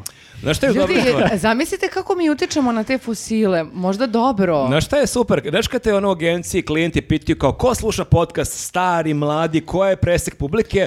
Uh, slušaju nas mladi, ali i fosili, fosili od 60.000 godina. Može, može i tako. Jeste da i ovi što, kako se to zovu, nisu antropolozi nego arheolozi koji kopaju te fosile. Tako Mislim da, Mhm. uh, da, a, arheolozi ne kopaju fosile. ne, kako se zovu ovi što se bave Arheolozi- fosilima? Ako bi napravili neku staru crkvu, Fosilisti. ako bi napravili neku staru crkvu od fosila, onda bi arheolozi Iznervirat ćemo sad sve ljude koji se time bave. Arheolozi i... A, a, a, a, I kuvari, kuvari isto fusile kuvaju. Je. Stare 60.000 godina. šta pričaš, bre? Fusili, pasta, fusili. Novi A, fu- fosil. da, Ova devojka izučava fu- Novi fus- fusili. fusile iz Pompeje. E, da, u stvari izučava fosile. Ali u svakom slučaju mi ćemo da joj damo pristup našoj pećini da ispita da li ima nekih fosila ispod. Dobro. Jer ako je pećina, sigurno ima nešto. Dobro. Ono, makar iz 90-ih. O, Tako da, e, mislim... tu je- zaboravite pećinu, Tu je nećemo. bio klub, znači neki e, fosili iz klabinga. Mhm. Naša- Eh, Radioaktivni, pa. Svakakve tu stvari mogu da se nađu. Mi tako smo da, eto, sada, mi smo sada fusili koji idu u klabing. Ako pa, i dalje ideš. ako odemo u Misliš klabing, svo da. četvoro, jer koleginici dalje misli da je Ne, cetinska. ne, ti si Da. okej i dalje. Ti nisi fosil. Ja- Ali hoću ti kažem, znaš kad smo- Pomenut ću, u cvetu mladosti žena. Da, ali kad smo mi bili u cvetu mladosti, pa odeš u klabing, pa vidiš nekog fosila, Ti kažeš, taj "E, vidi." fosil ima godina koliko mi sada imamo. Čak, kad čak i bismo manje. otišli. Čak i manje. Čak i manje, Kao brat, da. ti lik ima ladno 35 godina i Da, nešto da. đuska, ono, pa Ja kao... bukvalno ne bih znao se ponašam sad kad izađem negde. Da odem u neki klabing. Ja tako samo stojim i ne pomeram se, da se ne izblamiram nešto. Otko znam što i mladi rade. Jeste. A, Eh, dalje. Dalje. A, Mila Bogdanić, ako mi pukne kila od smeha koji vi izazivate, tužit ću vas. Uf.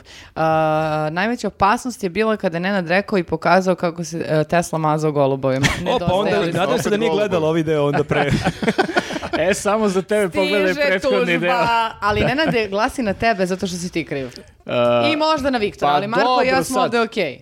Meni, e, mislim, to sa kilom nije strašno, mislim, ne znam u stvari kad pukne, ali ovaj, meni su to izvadi linija ništa strašno, tako da nije baš povod za E, tužbu, to ću da kažem. Zapamtite za mrč e, čičkica u obliku Tesle. Da. A, Što da te- ne? Kakvog Tesla bre goluba? Goluba, Pa goluba. nema veze, idemo dalje, idemo dalje. A, ali Razvijamo treba priču, da imamo na razvijamo kraju onaj disclaimer, e, cilj ovog podcasta nije da vam pukne kila. Da, Da, da. da. I onda- od- Možemo onda to se da lepo naglasimo. Ogradimo i ako nekome pukne, bože moj. I, nije, i- isto disclaimer, nijedna tužba nije validba zato što, validna zato što mi sve kažemo navodno. Odri- Cilj ovog odricanje od podcasta- odgovornosti. Cilj ovog podcasta je, svi znamo, da kupimo Pećinu. Pećinu i čamac. Pećinu, tako je. A, Raško Mladenović, au, brate mili, može li da se seti neko od vas trojice da koleginica bogato izgleda? Molim? Šta? Prostite, ali niste kolegijalni ponekad. E, bogato Šta treba da, izgledam. šta treba da kažemo? E. Budete li još jednom rekli da se oblačim kao klovan, Kao- što ste pre pod- početka podcasta, Ne, meni sad- klovan, nego onaj, kako se Okej. zove, onaj e, na štulama što ide, Ž- ž- Rekli smo žongler. žongler, E. E, a, Ali i na štulama smo. Ne, rekli. meni, Da. meni sad trenutno izgledaš kao jako bogata gotičarka. a, o, u sakovu od 50 dinara, iz second handa Pa u ne Kragujevcu. možeš da kažeš da je sak od 50 Ne. dinara. Mogu, zato što Nije. želim da podstaknem ljude da o, odu i oni i pogledaju nešto Da u i second oni handu. budu klošari. Pazi, bogatstvo nije... Želite, Sram te bilo! želite budete Slušaj. klovan. Da. bogatstvo nije stvar para, nego stvar stava.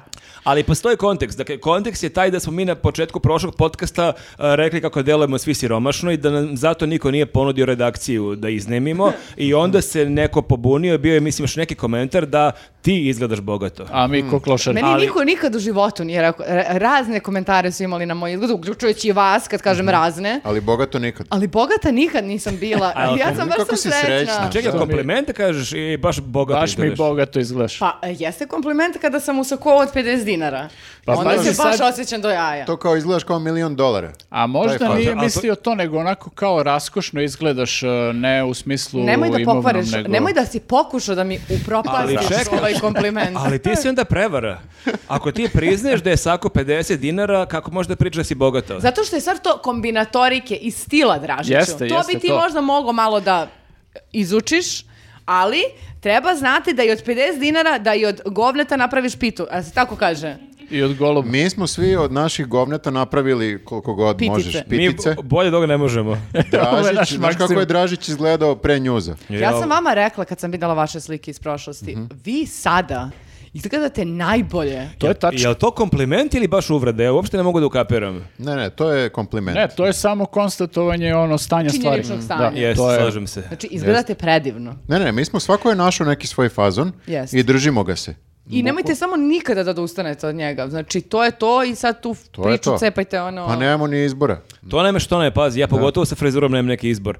Ali da, e, izgledaš bogato, ali onda je sad opet kontradiktorno ako tebi niko nije, je ti pisao neko da ti nudi neki stan za njuz.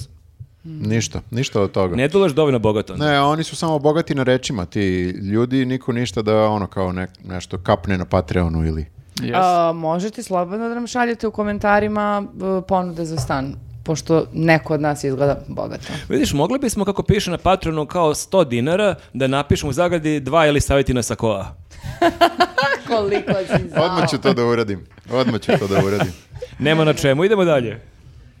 Ne mogu da... ve- A, kako sam se smela? Inar, e, Inara, Inar, Inara, 82. Ko- e, koliko sam se smela, hvala vam. Ova nedelja je bila bljak jer sam izgubila posao. O, a hvala vam još vi- jednom pokidali ste. Znači ste raspočeli savjeta.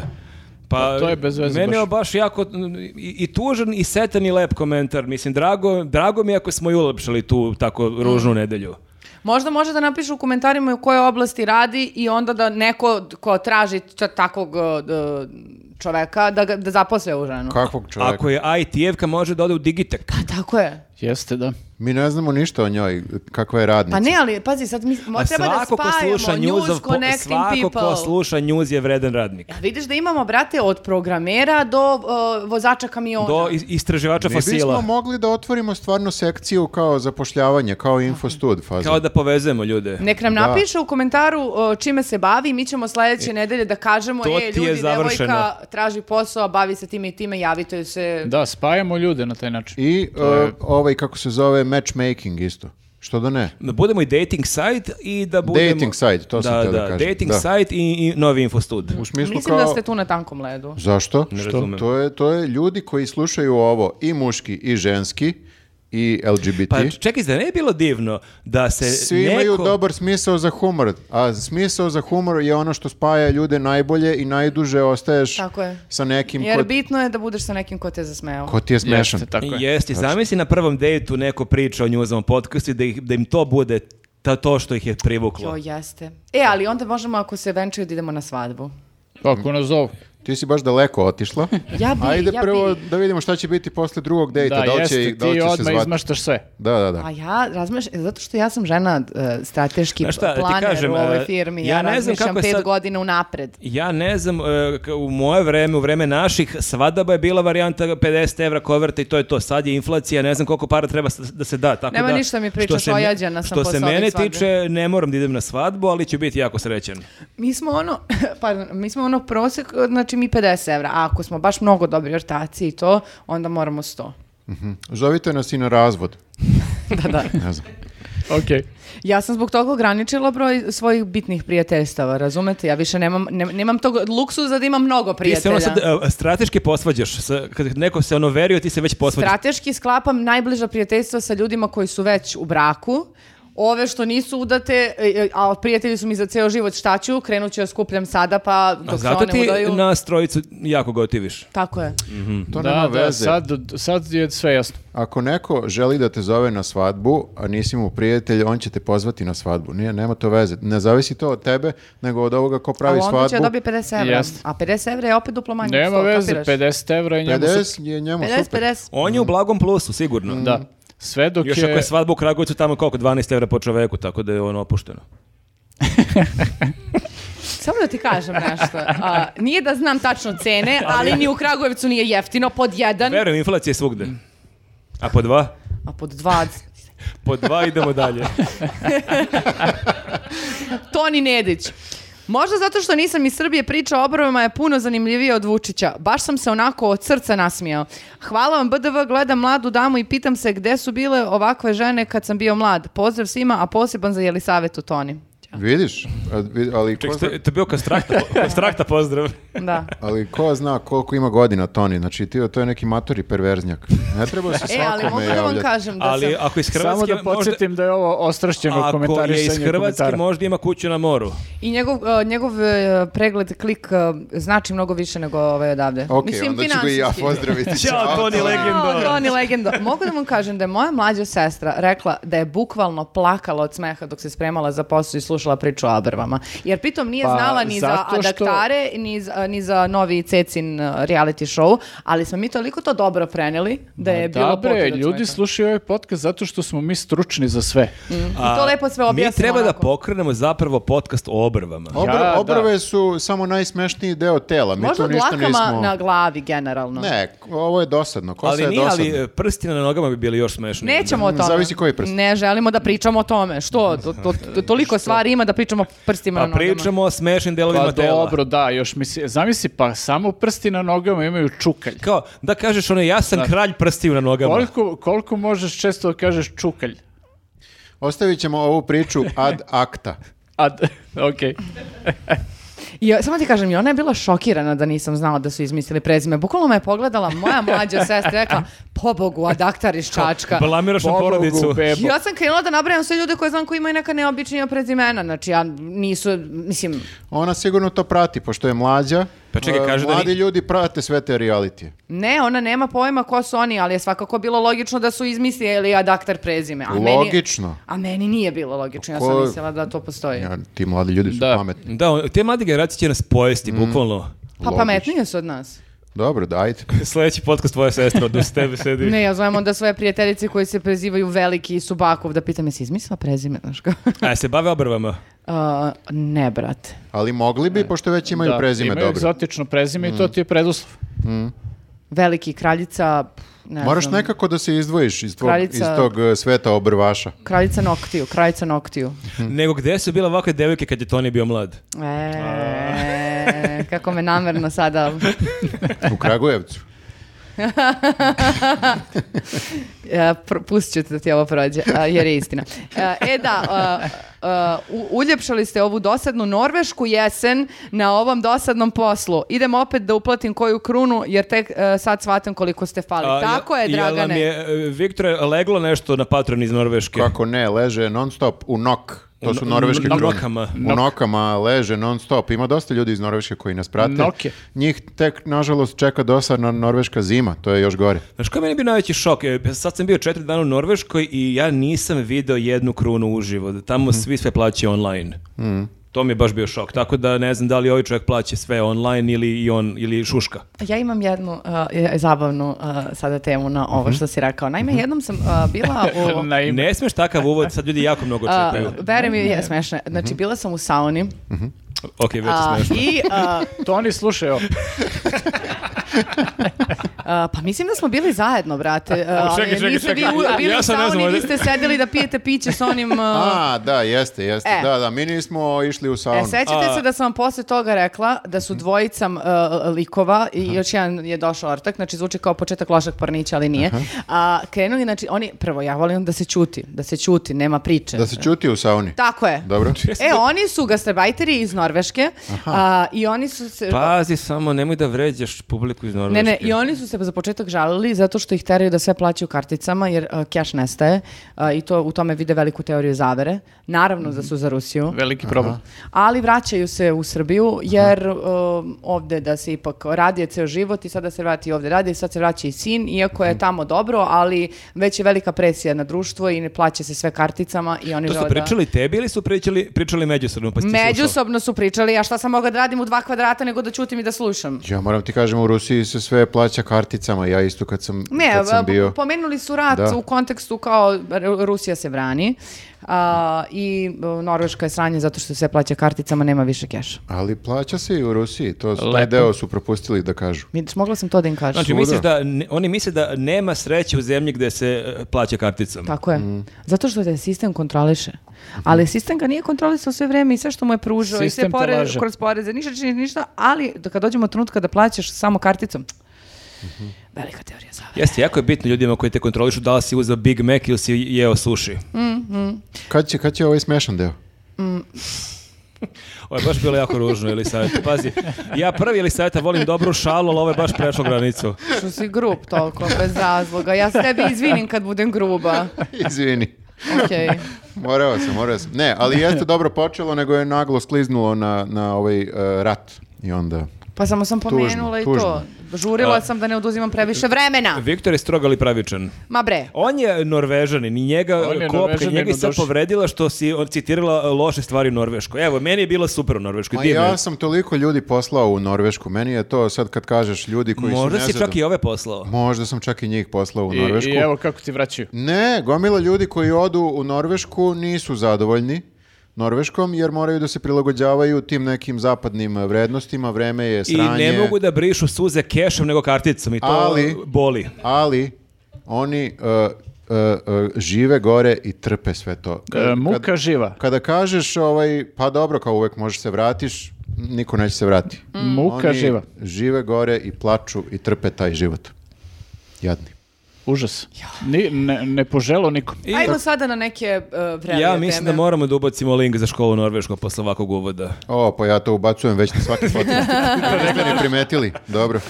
A, neke uh, vrelije teme, naime, uh, dosta ljudi se nakon jednog komentara koji sam pomenula da mi je žena rekla da, se, da nas sluša dok se tušira, uh, gomila ljudi se javila da potvrde tu priču. Naj, kažem. Ne, ne da se ona tušira, nego da Gomila ljudi nju gleda. glomila njenih komšija se javila i rekla, o da. jeste stvarno. Neverovatno je kako na, na, tre- na, na ono što mislim da će da vam bude zicar da, da uradite, ne uradite, a onda na neku najgluplju stvar, znači usputno. Šta si sad Znači- mislila da ćemo mi neke lascivne I komentare o dalje, ljudima znači, koji se umemo tuširaju? da te iznenadimo. Nakon četiri... Goran, Jel se trlja golubom? Goran, Mala Jeksa i Tara T se kažu. zajedno tuširaju. Ulazim po tuš, vi pričate koji muškarac sluša podcast dok se tušira. Evo ja, pozdrav iz Švedske. Što se I mene ja vas Kakve slušam veze imam dok sa se Švedskom? tuširam, prekinula sam tuširanje, osušila ruke samo da bi napisala komentar. Slušam Da, i strava. dok se tuširam, i dok se šminkam, i spremam za izlazak iz kuće i u prevozu, nekad i dok jedem. Pa dobro. Naši slušaoci se tuširaju. Da. A mi To je smo dobro. Znači čista publika. najbolji podcast za ustuširanje. Ja mislim da sad stvarno treba da da, e, dođe da bude naš sponsor, jer M se ljudi tuširaju, M smo toliko ono stvari koje Dav može da Ma napravi. šta Dav, čovjek ih je napljivao da su, ne mora Dav, stav, bilo šta drugo. o, Rekao je pazi. da su snizili. Ne, ako hoće da se reklamiraju, nemamo ništa protiv, čak možemo da napravimo i saradnju da i mi pravimo ove sunđerčiće, a oni da ovaj, to prodaju svoje proizvode. Nenad će lično uh, golubove na letvu da... Ali jeste. ja moram da uh, priznam, ja ne kapiram kako ljudi slušaju podcast dok se tuširaju. Dražiću je, to je zato što si ti ćelav čovek, ali ja vam sad ću da ti objasnim. Ok. Dakle, Posto- sad mi još Krenula uvijek je- nije jasno. krenula je uvredom. Ali van, ja sam krenula činjeničnim stanjem. to je van, znači- van konteksta, samo da kaže, samo da uvredi. Ne, Druga je stvar ne, što si ti evo ja ćelav. ću da ti kažem kao žena koja Slušaj, nije ćelavi, ćelava. da čujem. Dakle, ja kada se tuširam, ja ne perem uvek kosu. Te ovaj deo nije pod vodom i ja slušam šta se dešava oko mene. Šta, staviš slušalice? Ne, brate, nego sta pustiš telefon, pojačaš i A staviš čuje pored. se šš, Ja, ja isto imam taj neki dobar tuš koji ima baš onako jak. A ti imaš taj siromašan tuš? Jel ti možeš da podešavaš? Jesi kupila na- za- Ali izgleda bogato. Jel second hand za 50 dinara, oni Nije, baterije? nije, nije, nije, Pa nije. ne, ali ozbiljno, mislim, jako je, baš treba da imaš neko pojačalo, neke jake zvučnike u kupatilu da bi čuvao. Možda U ima, me- malom- možda ima mekane pločice. I onda to kad pada, onda nije toliko. Mekane pločice. Pa tak, ne znam. Da, da, Izmišljam. znači, a, dragi gledovaci i slušalci koji nas slušate dok se tuširate, pojasnite kako slušate. Ljudi, znači, samo se pravite, e, ja ti kažem, to je samo zato što ti e, kvasiš uvek sve jer nema šta Ma, ti se suši. ne, ne, ja ne, ne, ne, perem uopšte ne. kosu svaki put kad Ma se ne, ne kupam. kažem da Ne perem, ne peru kose. perem ni ja, ali hoću da kažem, jako je bučno u Da, tušu. moram, moram da probam. Ako ti radiš centrifuga na veš mašini dok se tuširaš, nema šanse da čuješ bilo Pritom šta. ja nemam ni kabinu, znači meni je sve otvoreno, ja to... A tebi je op- open space kupatila. Open space. U sobi. Mhm. Pa, sledeće godine će da se ugrađuje. Jel slušaš, Toni? Jesi vizualizovao sve. Dakle, o- pojasnite kako slušate podcast dok se tuširate. Okej.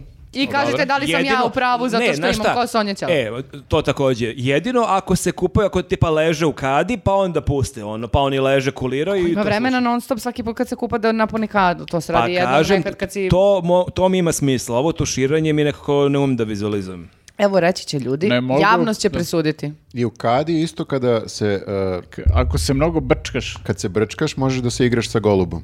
Tačno. Ne, htio sam da kažem, ako se mnogo brčkaš nećeš čuti, ali okej. Ali ne mogu da podnesem ovu njegovu facu dok izgovara te stvari. To Žao mi mi je još ljudi koji gore. nas samo slušaju zapravo. Jel ti neprijatno malo, vidi da se Malo, postidi. malo, malo. Ajde, dalje. Dario Banović kaže, Viktor sa vradom i na, na očalima izgleda kao propali student teologije. Pa Što Sjajan propali? podcast. Je to kompliment ili uvreda? Što propali? Možda Taj zato deo što mi si nije nosio jasan. isti duks Nije uh, dva čak ni podcasta. propali, mislim, vidjeli ste da su ovi ljudi na onom uh, Reelsu na Facebooku skontali njega kao nekog teologa, stvarno, tako da nije uopšte ni propao čak. I ne samo to, nego on čovjek kaže da je on Delo je- najbogatiji među nama. tako Delo je da. jako ubedljivo Pa, baš kao zato. sveštenik. E, Jel ja treba nešto da kažem? Ne znam, sad sam se postideo. ne, ovo je kao kompliment, kapiram. Propali student Pa da. teo- teologije zvuči kao neki baš cool lik. A ko- kako bi izgledao uh, dobar student teologija kako izgleda propali? Pa nisam siguran, ovi dobri koji dođu, oni verovatno su i dalje nekako puni snage, možda su obrijani, nije im porasla brada, možda je to, u tome je fora. Možda je do uverenja. Moje uverenja su bila kao kod propalog, nekog ko je odustao Pa, od Pa teologije. nisi se povezao s Bogom. Da, možda si krenuo kao teolog i onda si skliznuo u neku svoju teoriju o Mhm. golubovima i on si bili fazon, "Ovo je propao lik. Da, da, da. I- Da, sad je golubolog. A ko odustaje od teologije, kao? Kao neko se razočara. Pa, Pa, ne znam. Nije ovo zna- ono što pa sam ne, očekivao. dođeš ono, shvatiš, dođeš do treće godine, shvatiš da ono, n- kako ćeš na, nađeš posao sutra, nema tu perspektive uopšte u tom zanimanju. Neko je mislio da je to dobar biznis. Šta? Dobro, okej. Šta ja da radim sad s ovim, ne mogu ništa. Da, da, i onda si college dropout, kao Da. Bill Mm, Gates.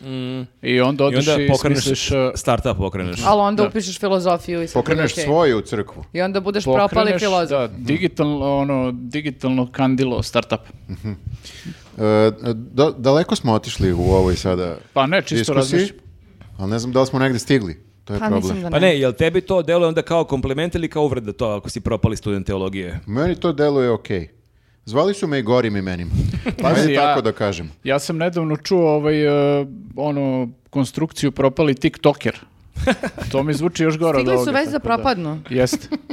Tako da... Na svakog uspešnog tiktokera, znaš koliko miliona A čekaj, ja sam, njih ima... ču- ja sam čuo e, bivši influencer.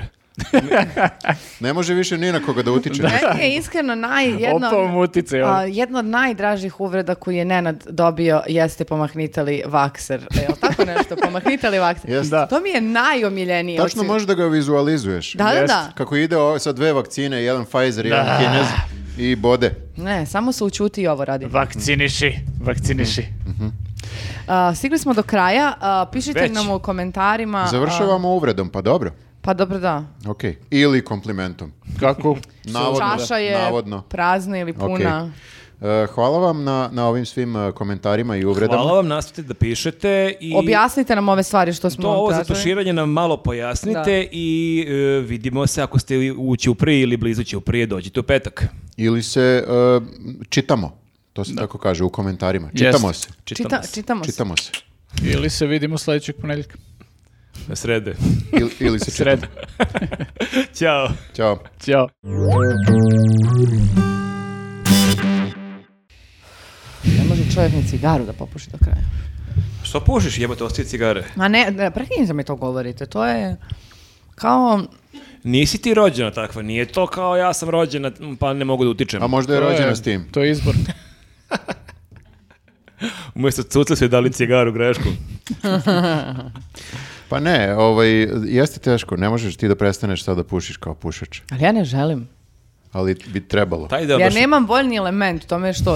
Ja nikad drugo. nisam pokušala. To je drugo. Jednom sam u životu nakon nekog stra- s- s- stravičnog o, alkoholi- alkoholizma u toku noći bila u fazonu sutradan neću ja pušim i popušala sam samo jednu cigaru uveče i onda sam sutradan kupila uredno paklo i nastavila putem gde sam zastala. Tako da. Znači jedno je ne želim, a drugo je ne mogu. Ja mislim da je ovo tvoje ne mogu, jer ti si navučena, ti si adikt. Pa da, ali ne bi, nisam ni pokušala, znaš kao ljudi ne mogu, ne znam šta, pa onda se icimaju i urade to. Možda Ali treba Mm. da realno se- bi trebalo da prestaneš. Treba da te pošaljemo u Rusiju Ne. na onu kliniku da ti zamene ćelije. Postoje razlozi, ne pričam ja to ovako sad kao u teoriji, nego pušenje nije zdravo. To je tačno. Pa da. Plus e, nekako... mm, Nije više ni in. Baš nije, pogotovo taj ajkos, to je baš, baš nije cool, nije seksi. Jo, jer smo došli ono u LA otprilike, sad kao nije cool Pa pušiti. nije, ja, Pušiš penkalu jebote, kako je cool. Ma pusti me da pušim što god hoću, ja sam bre slobodna žena. E, čao ljudi. Da. jedna opuštajuća tema. Um, S- Super je što na ovom papiru piše relax tema smak sveta. to je Pa šta Viktor- ćeš opuštenije, ja mislim, od toga? Pa Da. o- opušteno se nije desio. Viktor je Nije se to desilo. najopuštenije pro- podmetnuo dok smo spremali pet minuta po početku ovog podcasta teme i ja sam bila u fazonu ok, a sada stvarno ćemo da izginemo. Šta ti nije jasno? Ne, ovo je gotovo, prošlo je. Kao Aha. i oni E, svi što su prošli 2012. i tako to, nego je ovaj sad bio zabavan. Bilo je zakazano za 24. uh, septembar. E, ali fora je u tome što možda nije ni bio zakazan smak sveta. Dobro. U Evo. stvari, desila se jedna zabuna. Evo kako je to bilo. Hoće ti Šone? Uh, mogu. Ajde. Uh, jedan poslanik neki u Europskom parlamentu, čini mi se, Mislim u Nemačkom. ili u Nemačkom, je uh, imao govor i u tom govoru je nešto pričao i Ali, pominjao je izvini, a to datume. je, ako sam ja dobro razumio, bio govor od pre par meseci. Jeste, i on je između ostalog pomenuo tu uh, 24. uh, trebalo je Septembar. da kaže, on je rekao 24. septembar, ali trebalo je da kaže 24. februar. Kad je jer počeo napad na Ukrajinu. Govorio je o napadu na Ukrajinu i rekao je neku rečenicu, uh, ne znam, vidi, Svi znate gde ste bili, gde... svi znate gde ste bili 24. septembra, je rekao. Mhm. Hteo da kaže februara i ljudi su to naravno uhvatili se toga i kao pogrešno su potpuno protumačili. A je on baš e, spomenuo smak sveta ili samo... ono Ne, ne, rekao- ništa Kao, nije to je pomenuo. toliko veliki globalni događaj, Događaj. 24. Da. septembra, jedan od onih kada svi znate gde ste bili tog dana. U tom momentu, da. Mhm. Znaš, kad ti neko kaže kad, je, o, kad su proglasili bombardovanje ili Da. kad... ovaj, Ili kad se vratio Živko u srećne ljude. Jeste, da.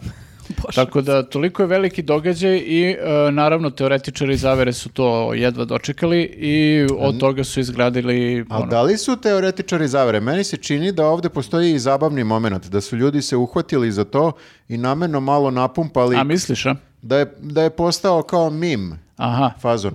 Ne, to, mada teorije zavere i jesu neka vrsta mimova. Pa jesu, da. Da, to se samo onako kao grudva za, za kotrlja i onda postaje sve veće i veće i neko to radi da bi se sprdao, neko je trol i neko ozbiljno Poveruje u počne to, da, da. veruje i dalje počne da širi. Jesi siguran da se zakotrlja i postane lopta ili je ravna ploča koja samo Mhm. raste, raste? Mm, Ćutimo, Viktore. Aha.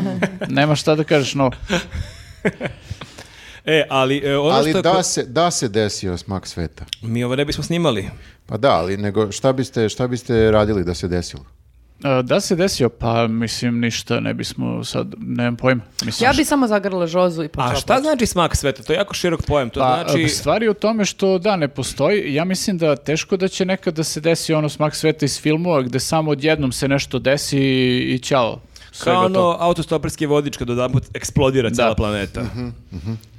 A ja sam više mislio ovako kao na neka apokalipsa nakon koje ništa više nije isto i e, svi smo onako mnogo jadniji nego što smo bili pre toga. Tipa, više ne- ne živimo u krugu dvojki i ne jedemo više italijansko brašno za picu. Tebi je to već Pa apokalipsa. dobro, ali to je nama svaka nova vlast. Aha, misliš kao mi polako idemo Mi ka sva- tome. onda imamo ono smak sveta na svakih deset godina. To su otprilike. neki smakići. Ali Jeste. mi imamo smak sveta na svaki 10 godina. Znači, mi smo bukvalno imali smak sveta kad je bilo pomračenje sunca 99. Da. Pa je onda bio oni globalni strah eh, kad je bila nova godina eh, 2000. 2000. Milenijumska buba. Da će da kao svi s- kompjuteri eh, zabaguju jer kao neće moći da prepoznaju dve nule. Pa smo onda imali 2012. 13. 14. kad je veše bio onaj smak sveta kada su ljudi masovno bežali na rtanj. 12. 12. Mm. To smo mi čak- Evo, ste vi informisani o smakovima sveta. Pa to znaš ti, je- Pa moraš da E, mi, pratiš mi te smo stvari. stariji od tebe, nama je ovo 19. smak sveta. Ti zato ovo shvataš toliko kao, znaš, ozbiljno i tragično, jer mi smo naviknuti već. Tebi je ovo kao prvi put. Da. I onda... i Ali onda to ovaj opet nisi- čudno jer nisi ti si spremna. iz grada, dakle, grupa Smak. Ne, vi, kako si ovo... Jesi ovo si pristao na ovu genijalno. temu samo da bi mogla kažeš A, Pa ovo, je, da, ovo već mesecima Kuva ovo u njemu dugo. navodim temu ka Smaku sveta da bih imao ovu foru. Dugo kuva ovo u njemu. Strašno, strašno. Uglavnom, e, smak sveta, znači, e, ja ne znam, kad bi se dešavao kao što se dešava u, filmu, u filmovima, kao ne znam, ono, kažu, ne znam, neka kometa ili šta već je da udari u zemlju i to je to, kad grune, gotovi smo svi. Ovaj, I sad, e, gledao sam skoro ponovo neki film sa Stevom Carellom, e, gde on glumi ovaj, e, u tako nekoj tematici e, gde kao mislim da se zove film e, Ljubav za smak sveta ili tako nešto, nisam siguran. Ali uglavnom to je kao šta radiš tih posljednjih ono sati pre Mhm. nego što se to desi. I kao kako ljudi koriste vreme ono kad znaš da si gotov imaš još ne znam 10 E, ja sati, bih više 16. volao da nemam tih deš. Šta radiš tad? Ja bih više volao da je kao kod Douglas Adamsa, da ti nemaš pojma da će vanzemaljci... Samo grune. Hm.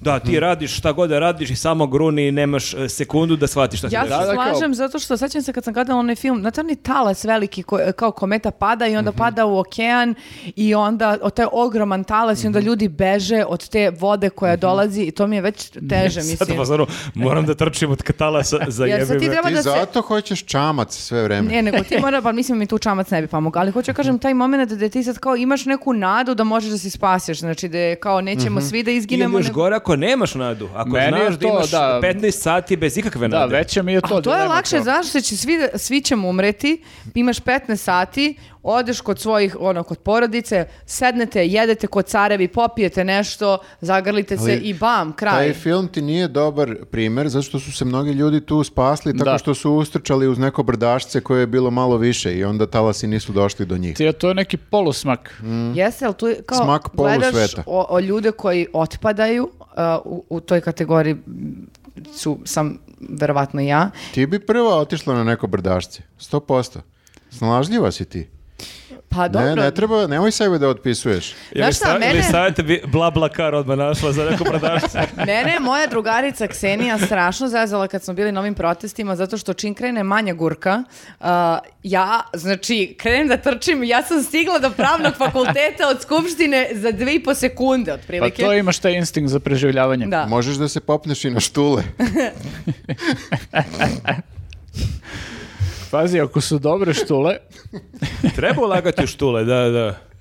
Ali pokršili bi ih ljudi, Pa ne bi. Ma ne, bre, ako zato što svi trče, razumeš? Sl- e, slušajte ovako, meni u ovom trenutku ne bi odgovarao smak sveta da se desi. Mm. Ne znam kakvi ste vi. Ako može jedan od nedelje, ali ovih dana baš ne. Meni je život sada super. Mm. Baš mi je ono ok. Nije mi ono kao sad da nešto sam kao polu, može se desi, ne mora da znači. Pa tamo smo postali relativno i prepoznatljivi. Tamo Da. nam se ljudi i na ulici javljaju. Javljaju nam znači, se svi, da. Ovo Zamisli je ono kao... vrhunac naših života. Taman je sve krenulo. Da li bi nam se javili ljudi kad bi kao bio smak sveta i sad neka gungula trka frka i ono kao beže ljudi kao ej, Beže, baci beže pet." talasa, ljuzne 25. Pa pazi, to bi bilo barem do nekle malo onako olakšavajuća okolnost u Da, celom sigurno tom. da bi im trebalo olakšavajući okolnosti. u Nama, trenutku. nama, nama. Nama. Meni bi značilo. Meni bi značilo. Pa nekako kao... Znači, poštovni gledoci, ako bežimo od ogromnog talasa koji će da uništi o- ovu planetu, ako vam nije problem da se samo Pa javite, pa, Čisto da umremo srećni. Volim što smo svi pretpostavili sada da je talas taj koji pa nas... tu ste buvu vi ubacili. Ne, ona je to pomenula. Ja više zamišljam neku, nešto što udari u zemlju onako i raznese nas odjednom. I onda kao bude veliki zemljotres i sve se Ma sruši. to bude sve, znači, mislim, ima... Ma ima- to bude To sve. bude šta hoćeš. Da, da, sve bude. Bude i sneg i pa, e, poplava i sve. Jeste, pa da, i bude to kao tsunami i sve ostalo. Znaš ti šta je kad ono neka Mi imamo velika... tu šanse nekada da se sakrijemo, ja da pitam. Pa, A- vidiš, to je su dve škole mišljenja. To zavisi od veličine tog e, ono, nečega što udari u zemlju. Ali pitaš i kao da su oni dva eksperta za smak sveta. Znači, Pa ne, Ne, zapravo, samo sad ćemo mi da prilike. objasnimo. mnoge studije zapravo pokazuju da je pećina idealna. Pa ne, nego zato što ako imaju te neke katakombe, te neki tajni prolazi, ta neka sranja, ali onda čak i da se ti sakriješ tu, sve što padne, ima da te zakopa, znači ti ima Pa, 10 pazi, u- godina da kopaš u stvari. U Mislim, bi se- Cetinskoj, u nekim lokalima kad bi se... Prestani, prestani. Smak sveta ne, ne bi našao neke lokale u Cetinskoj. stvarno. Ti imaš više, U Kenozoji kako odeš. Prežive Buba Švabe ekipu iz Cetinske. ti imaš baš mnogo tipova smakova smet, sveta. E, Dinosaurusi recimo nisu imali šanse. da, ali to je bio tip koji ih je grunuo i to je to. Ali, na primjer, imaš ovaj smak sveta gde polako mi postajemo od nekog virusa zombiji. To je isto i onda moraš da se, prvo da se kriješ od virusa, da neko neki je u tebi, a drugo da se kriješ od zombija. To je isto... Jel to Walking Dead mi prepričavaš? Pa, mislim, realno postoji go- gomila smakova ako sveta. moraš da se kriješ od zombija, pećina jeste dobro mesto. Ali zombi su možda već u pećini, čekaju te zato što Nisu, se kriju od ne može. svetlosti. Ne, nemoj 150.000 evra. Pa ne znam, sad možda E, ima. ali e, zanimljivo je bilo, kad kažeš kako je ovaj smak sveta ima neki komični element, e, zanimljivo je bilo saopštenje e, sindikata zaposlenih u policiji. I Šta ovo je- oni su ovo je upozoravali? Mhm. pravo saopštenje, e, dakle, kaže, a jako je kratko, kaže, varno saopštenje za građane i pripadnike vojske i policije, poštovani, povodom dešavanja koje će na globalnom nivou početi od 24. septembra 2022. godine, molimo vas da ne budete u strahu i panici, jel, na kraju će se s- završiti dobro. Svako treba proći kroz ovaj period, posebno oni koji nisu shvatili šta je istina i zašto su verovali u zagradi mas medijima i političarima, odnosi se ne samo na Srbiju, već na sve zemlje.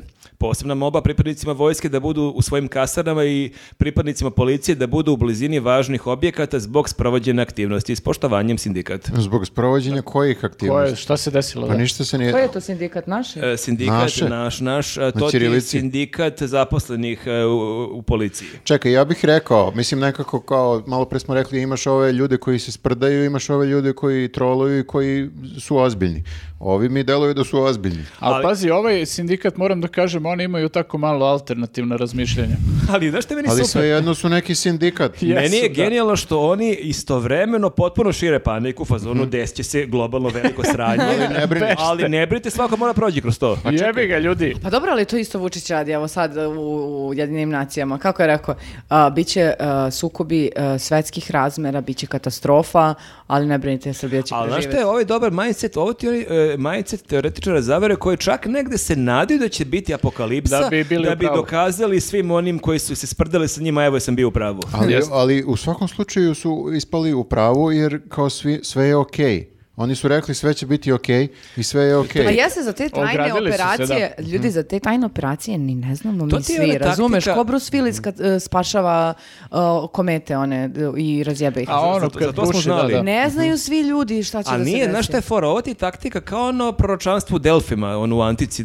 Uvek kaže dvosmisleno, kao Jeste, će bit će- biti bit muš- će i neće muško biti, da. ne žensko, muško ne žensko, znaš, obe opcije pokriješ, ono, Mhm. tako da je ovo to saopštenje zapravo. Bili su ti neki, kad pomenu to, ima dobra fora, ti e, proroci e, koji ti e, čitaju kao da li će dete biti muško ili žensko i imaju odličnu foru.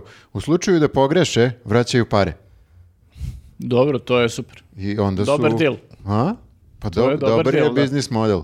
Tako i ovi isto kao su Misliš se- 50% para zadrže u svakom slučaju. Pa To ti kažem. 50% je da će da pomaša. A i da li ćeš ti stvarno sad ono postaneš ono roditelj da se setiš ono ej petog dana idem da Aha, tražim dođu pare. mi pare. Zavisi koliko je para. Mada ako imaš r- roze sobo, dobiješ sina, možda si fazonu koliko sam platio krečenje.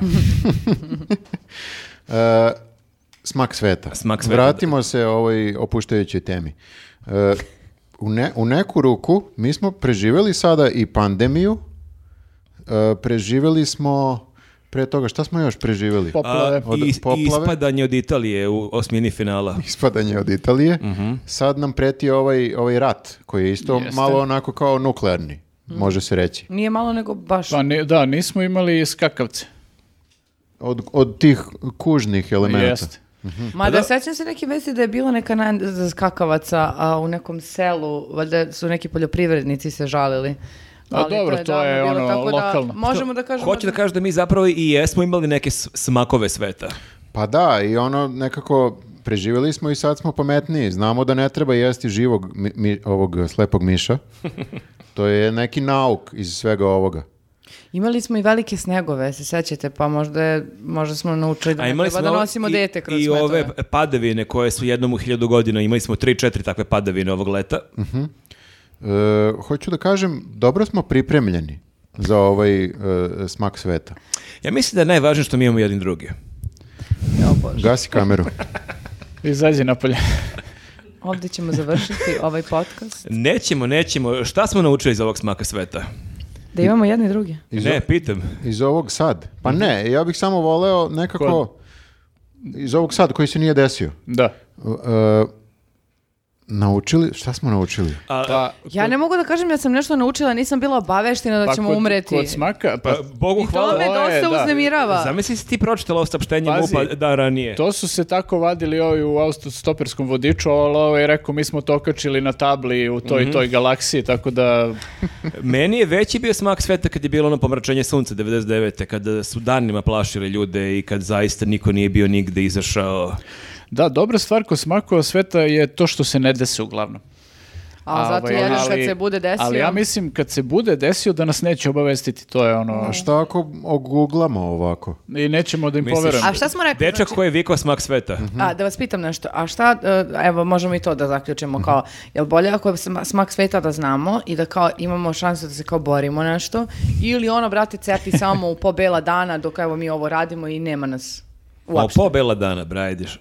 Jer e, ako, teško ti mora se boriš protiv smaka sveta, znaš, ako je to sad nuklearna katastrofa, ako je to Pa ono, možeš kometa. Da, ti možeš da se spremaš za to, da budeš preper. Aha, Doomsday. mhm. Doomsday preper. E, ja imam 3-4 konzivre na gajbi trenutno. To ti je to, ti si Ali prepet. gde da ih sakrijem?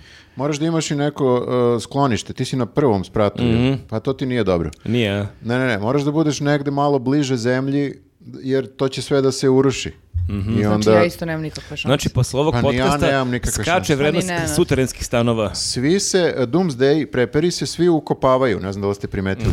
Ali svi Mhm. Jeste, su, prave bunkere. sve više vuče da ona pećina ima smisla. Još jedan razlog da kupimo Ništa nas pećinu. ne košta. Bukvalno nas mnogo košta. Sem tih 150.000 evra. Ali to je investicija u budućnost. Čovečanstva. Jeste. Ti, ako se ne desi smak sveta, ti i dalje imaš pećinu. Otvori diskoteku. Ako se desi, Diskoteku. ti si jedan od redkih sa pećinom. Mhm. Tako da nekako je win-win. Jeste, i pećini samo može da raste vrednost. Jer nema mnogo pećina u gradu. I ono, k- k- k- biznis model, prodaš pećinu, dan pre smaka sveta po nekoj velikoj ceni, kao, uložio Yes. sam 150.000, dobio sam milion. Ali taj dan se provedeš kao bog, ono, za Većine tih su milion. stvari ko bitcoini, zato što ih ima ograničeni broj i ne možeš da ih kupuješ Ne Dobro, možeš. ali ovaj, sa druge strane, ok, kao, mislim, na primjer, sada dođu i kažu, e, ljudi, leti nešto prema zemlji, izginut ćemo svi preko sutra, ovaj, to jeste kao strašno, ok, završava ti se život i sve, ali kao sa druge strane, to će da bude onako baš spektakl.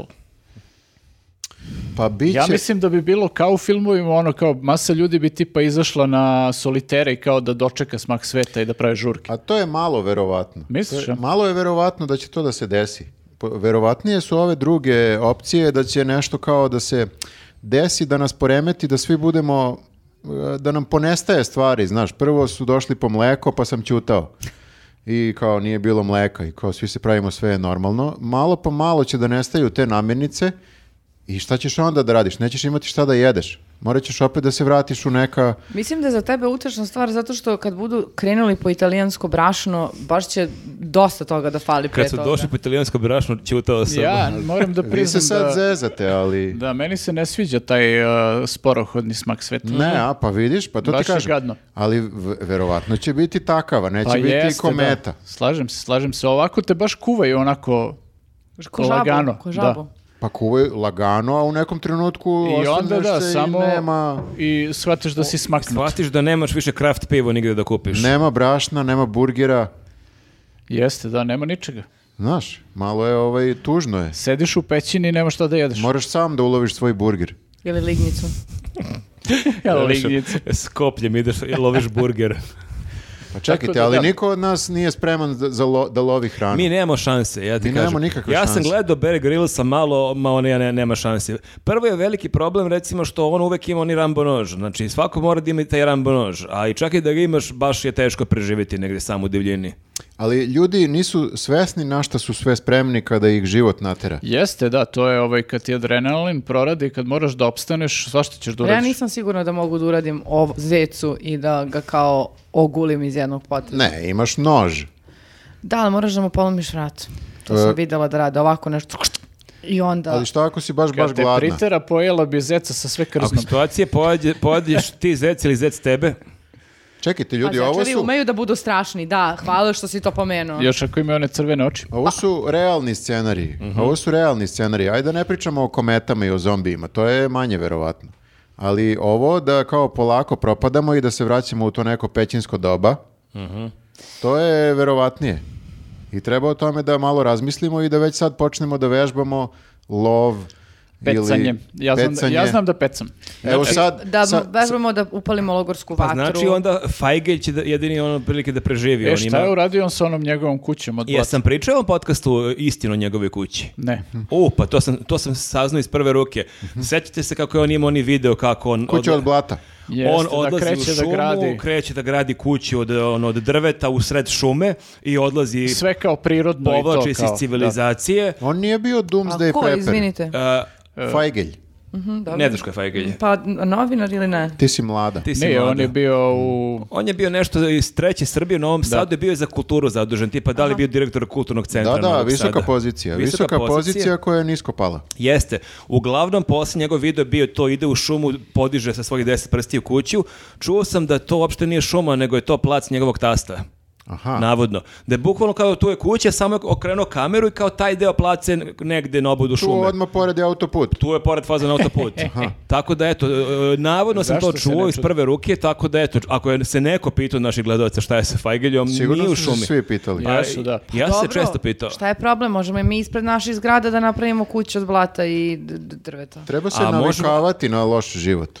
Pa to će svakako biti loš život u kući od blata i drveta bez A obzira gde mi se smo nalazi. biser iz blata i onda je to okej. Smo deca rata. Da. Dobro. E, Kraj. To je relax tema, a? Da, lepo smo završili ovu optimističnu temu. Navikavajte se jer neće biti bolje. E, ali dobro, ajde neka kažu i ljudi šta misle kako će se desi Ma šta e, oni znaju? smak A sveta. koja je, Viktor, onda budućnost našeg podcasta ako ćemo da lovimo ono mamute? Ma, da. mo- moramo da vidimo nekako na analogni način kako da dođemo do ljudi, jer ovo digitalno to više neće moći ovako da se streamuje. Znači, kako vidimo ekipu ljudi koji sede pored Morat vatre, ćemo da- naš četvro priđemo i pričamo To, naš morat podcast. ćemo da idemo i da pričamo ovako u facu ljudima podcast. Morat ćemo zapravo napadan da naučimo ovo što pa- Kao hoćemo neki da govorimo i propovedni- da idemo od plemena do Kao plemena. propovednici neki. Ili barem ona radijska veza, radio amateri. Oni će jedini da budu e, neka komunikacija. Radio Vraćamo se, amateri će da prežive. Moguće, moguće. Radio Amateri, ekipa iz Cetinske.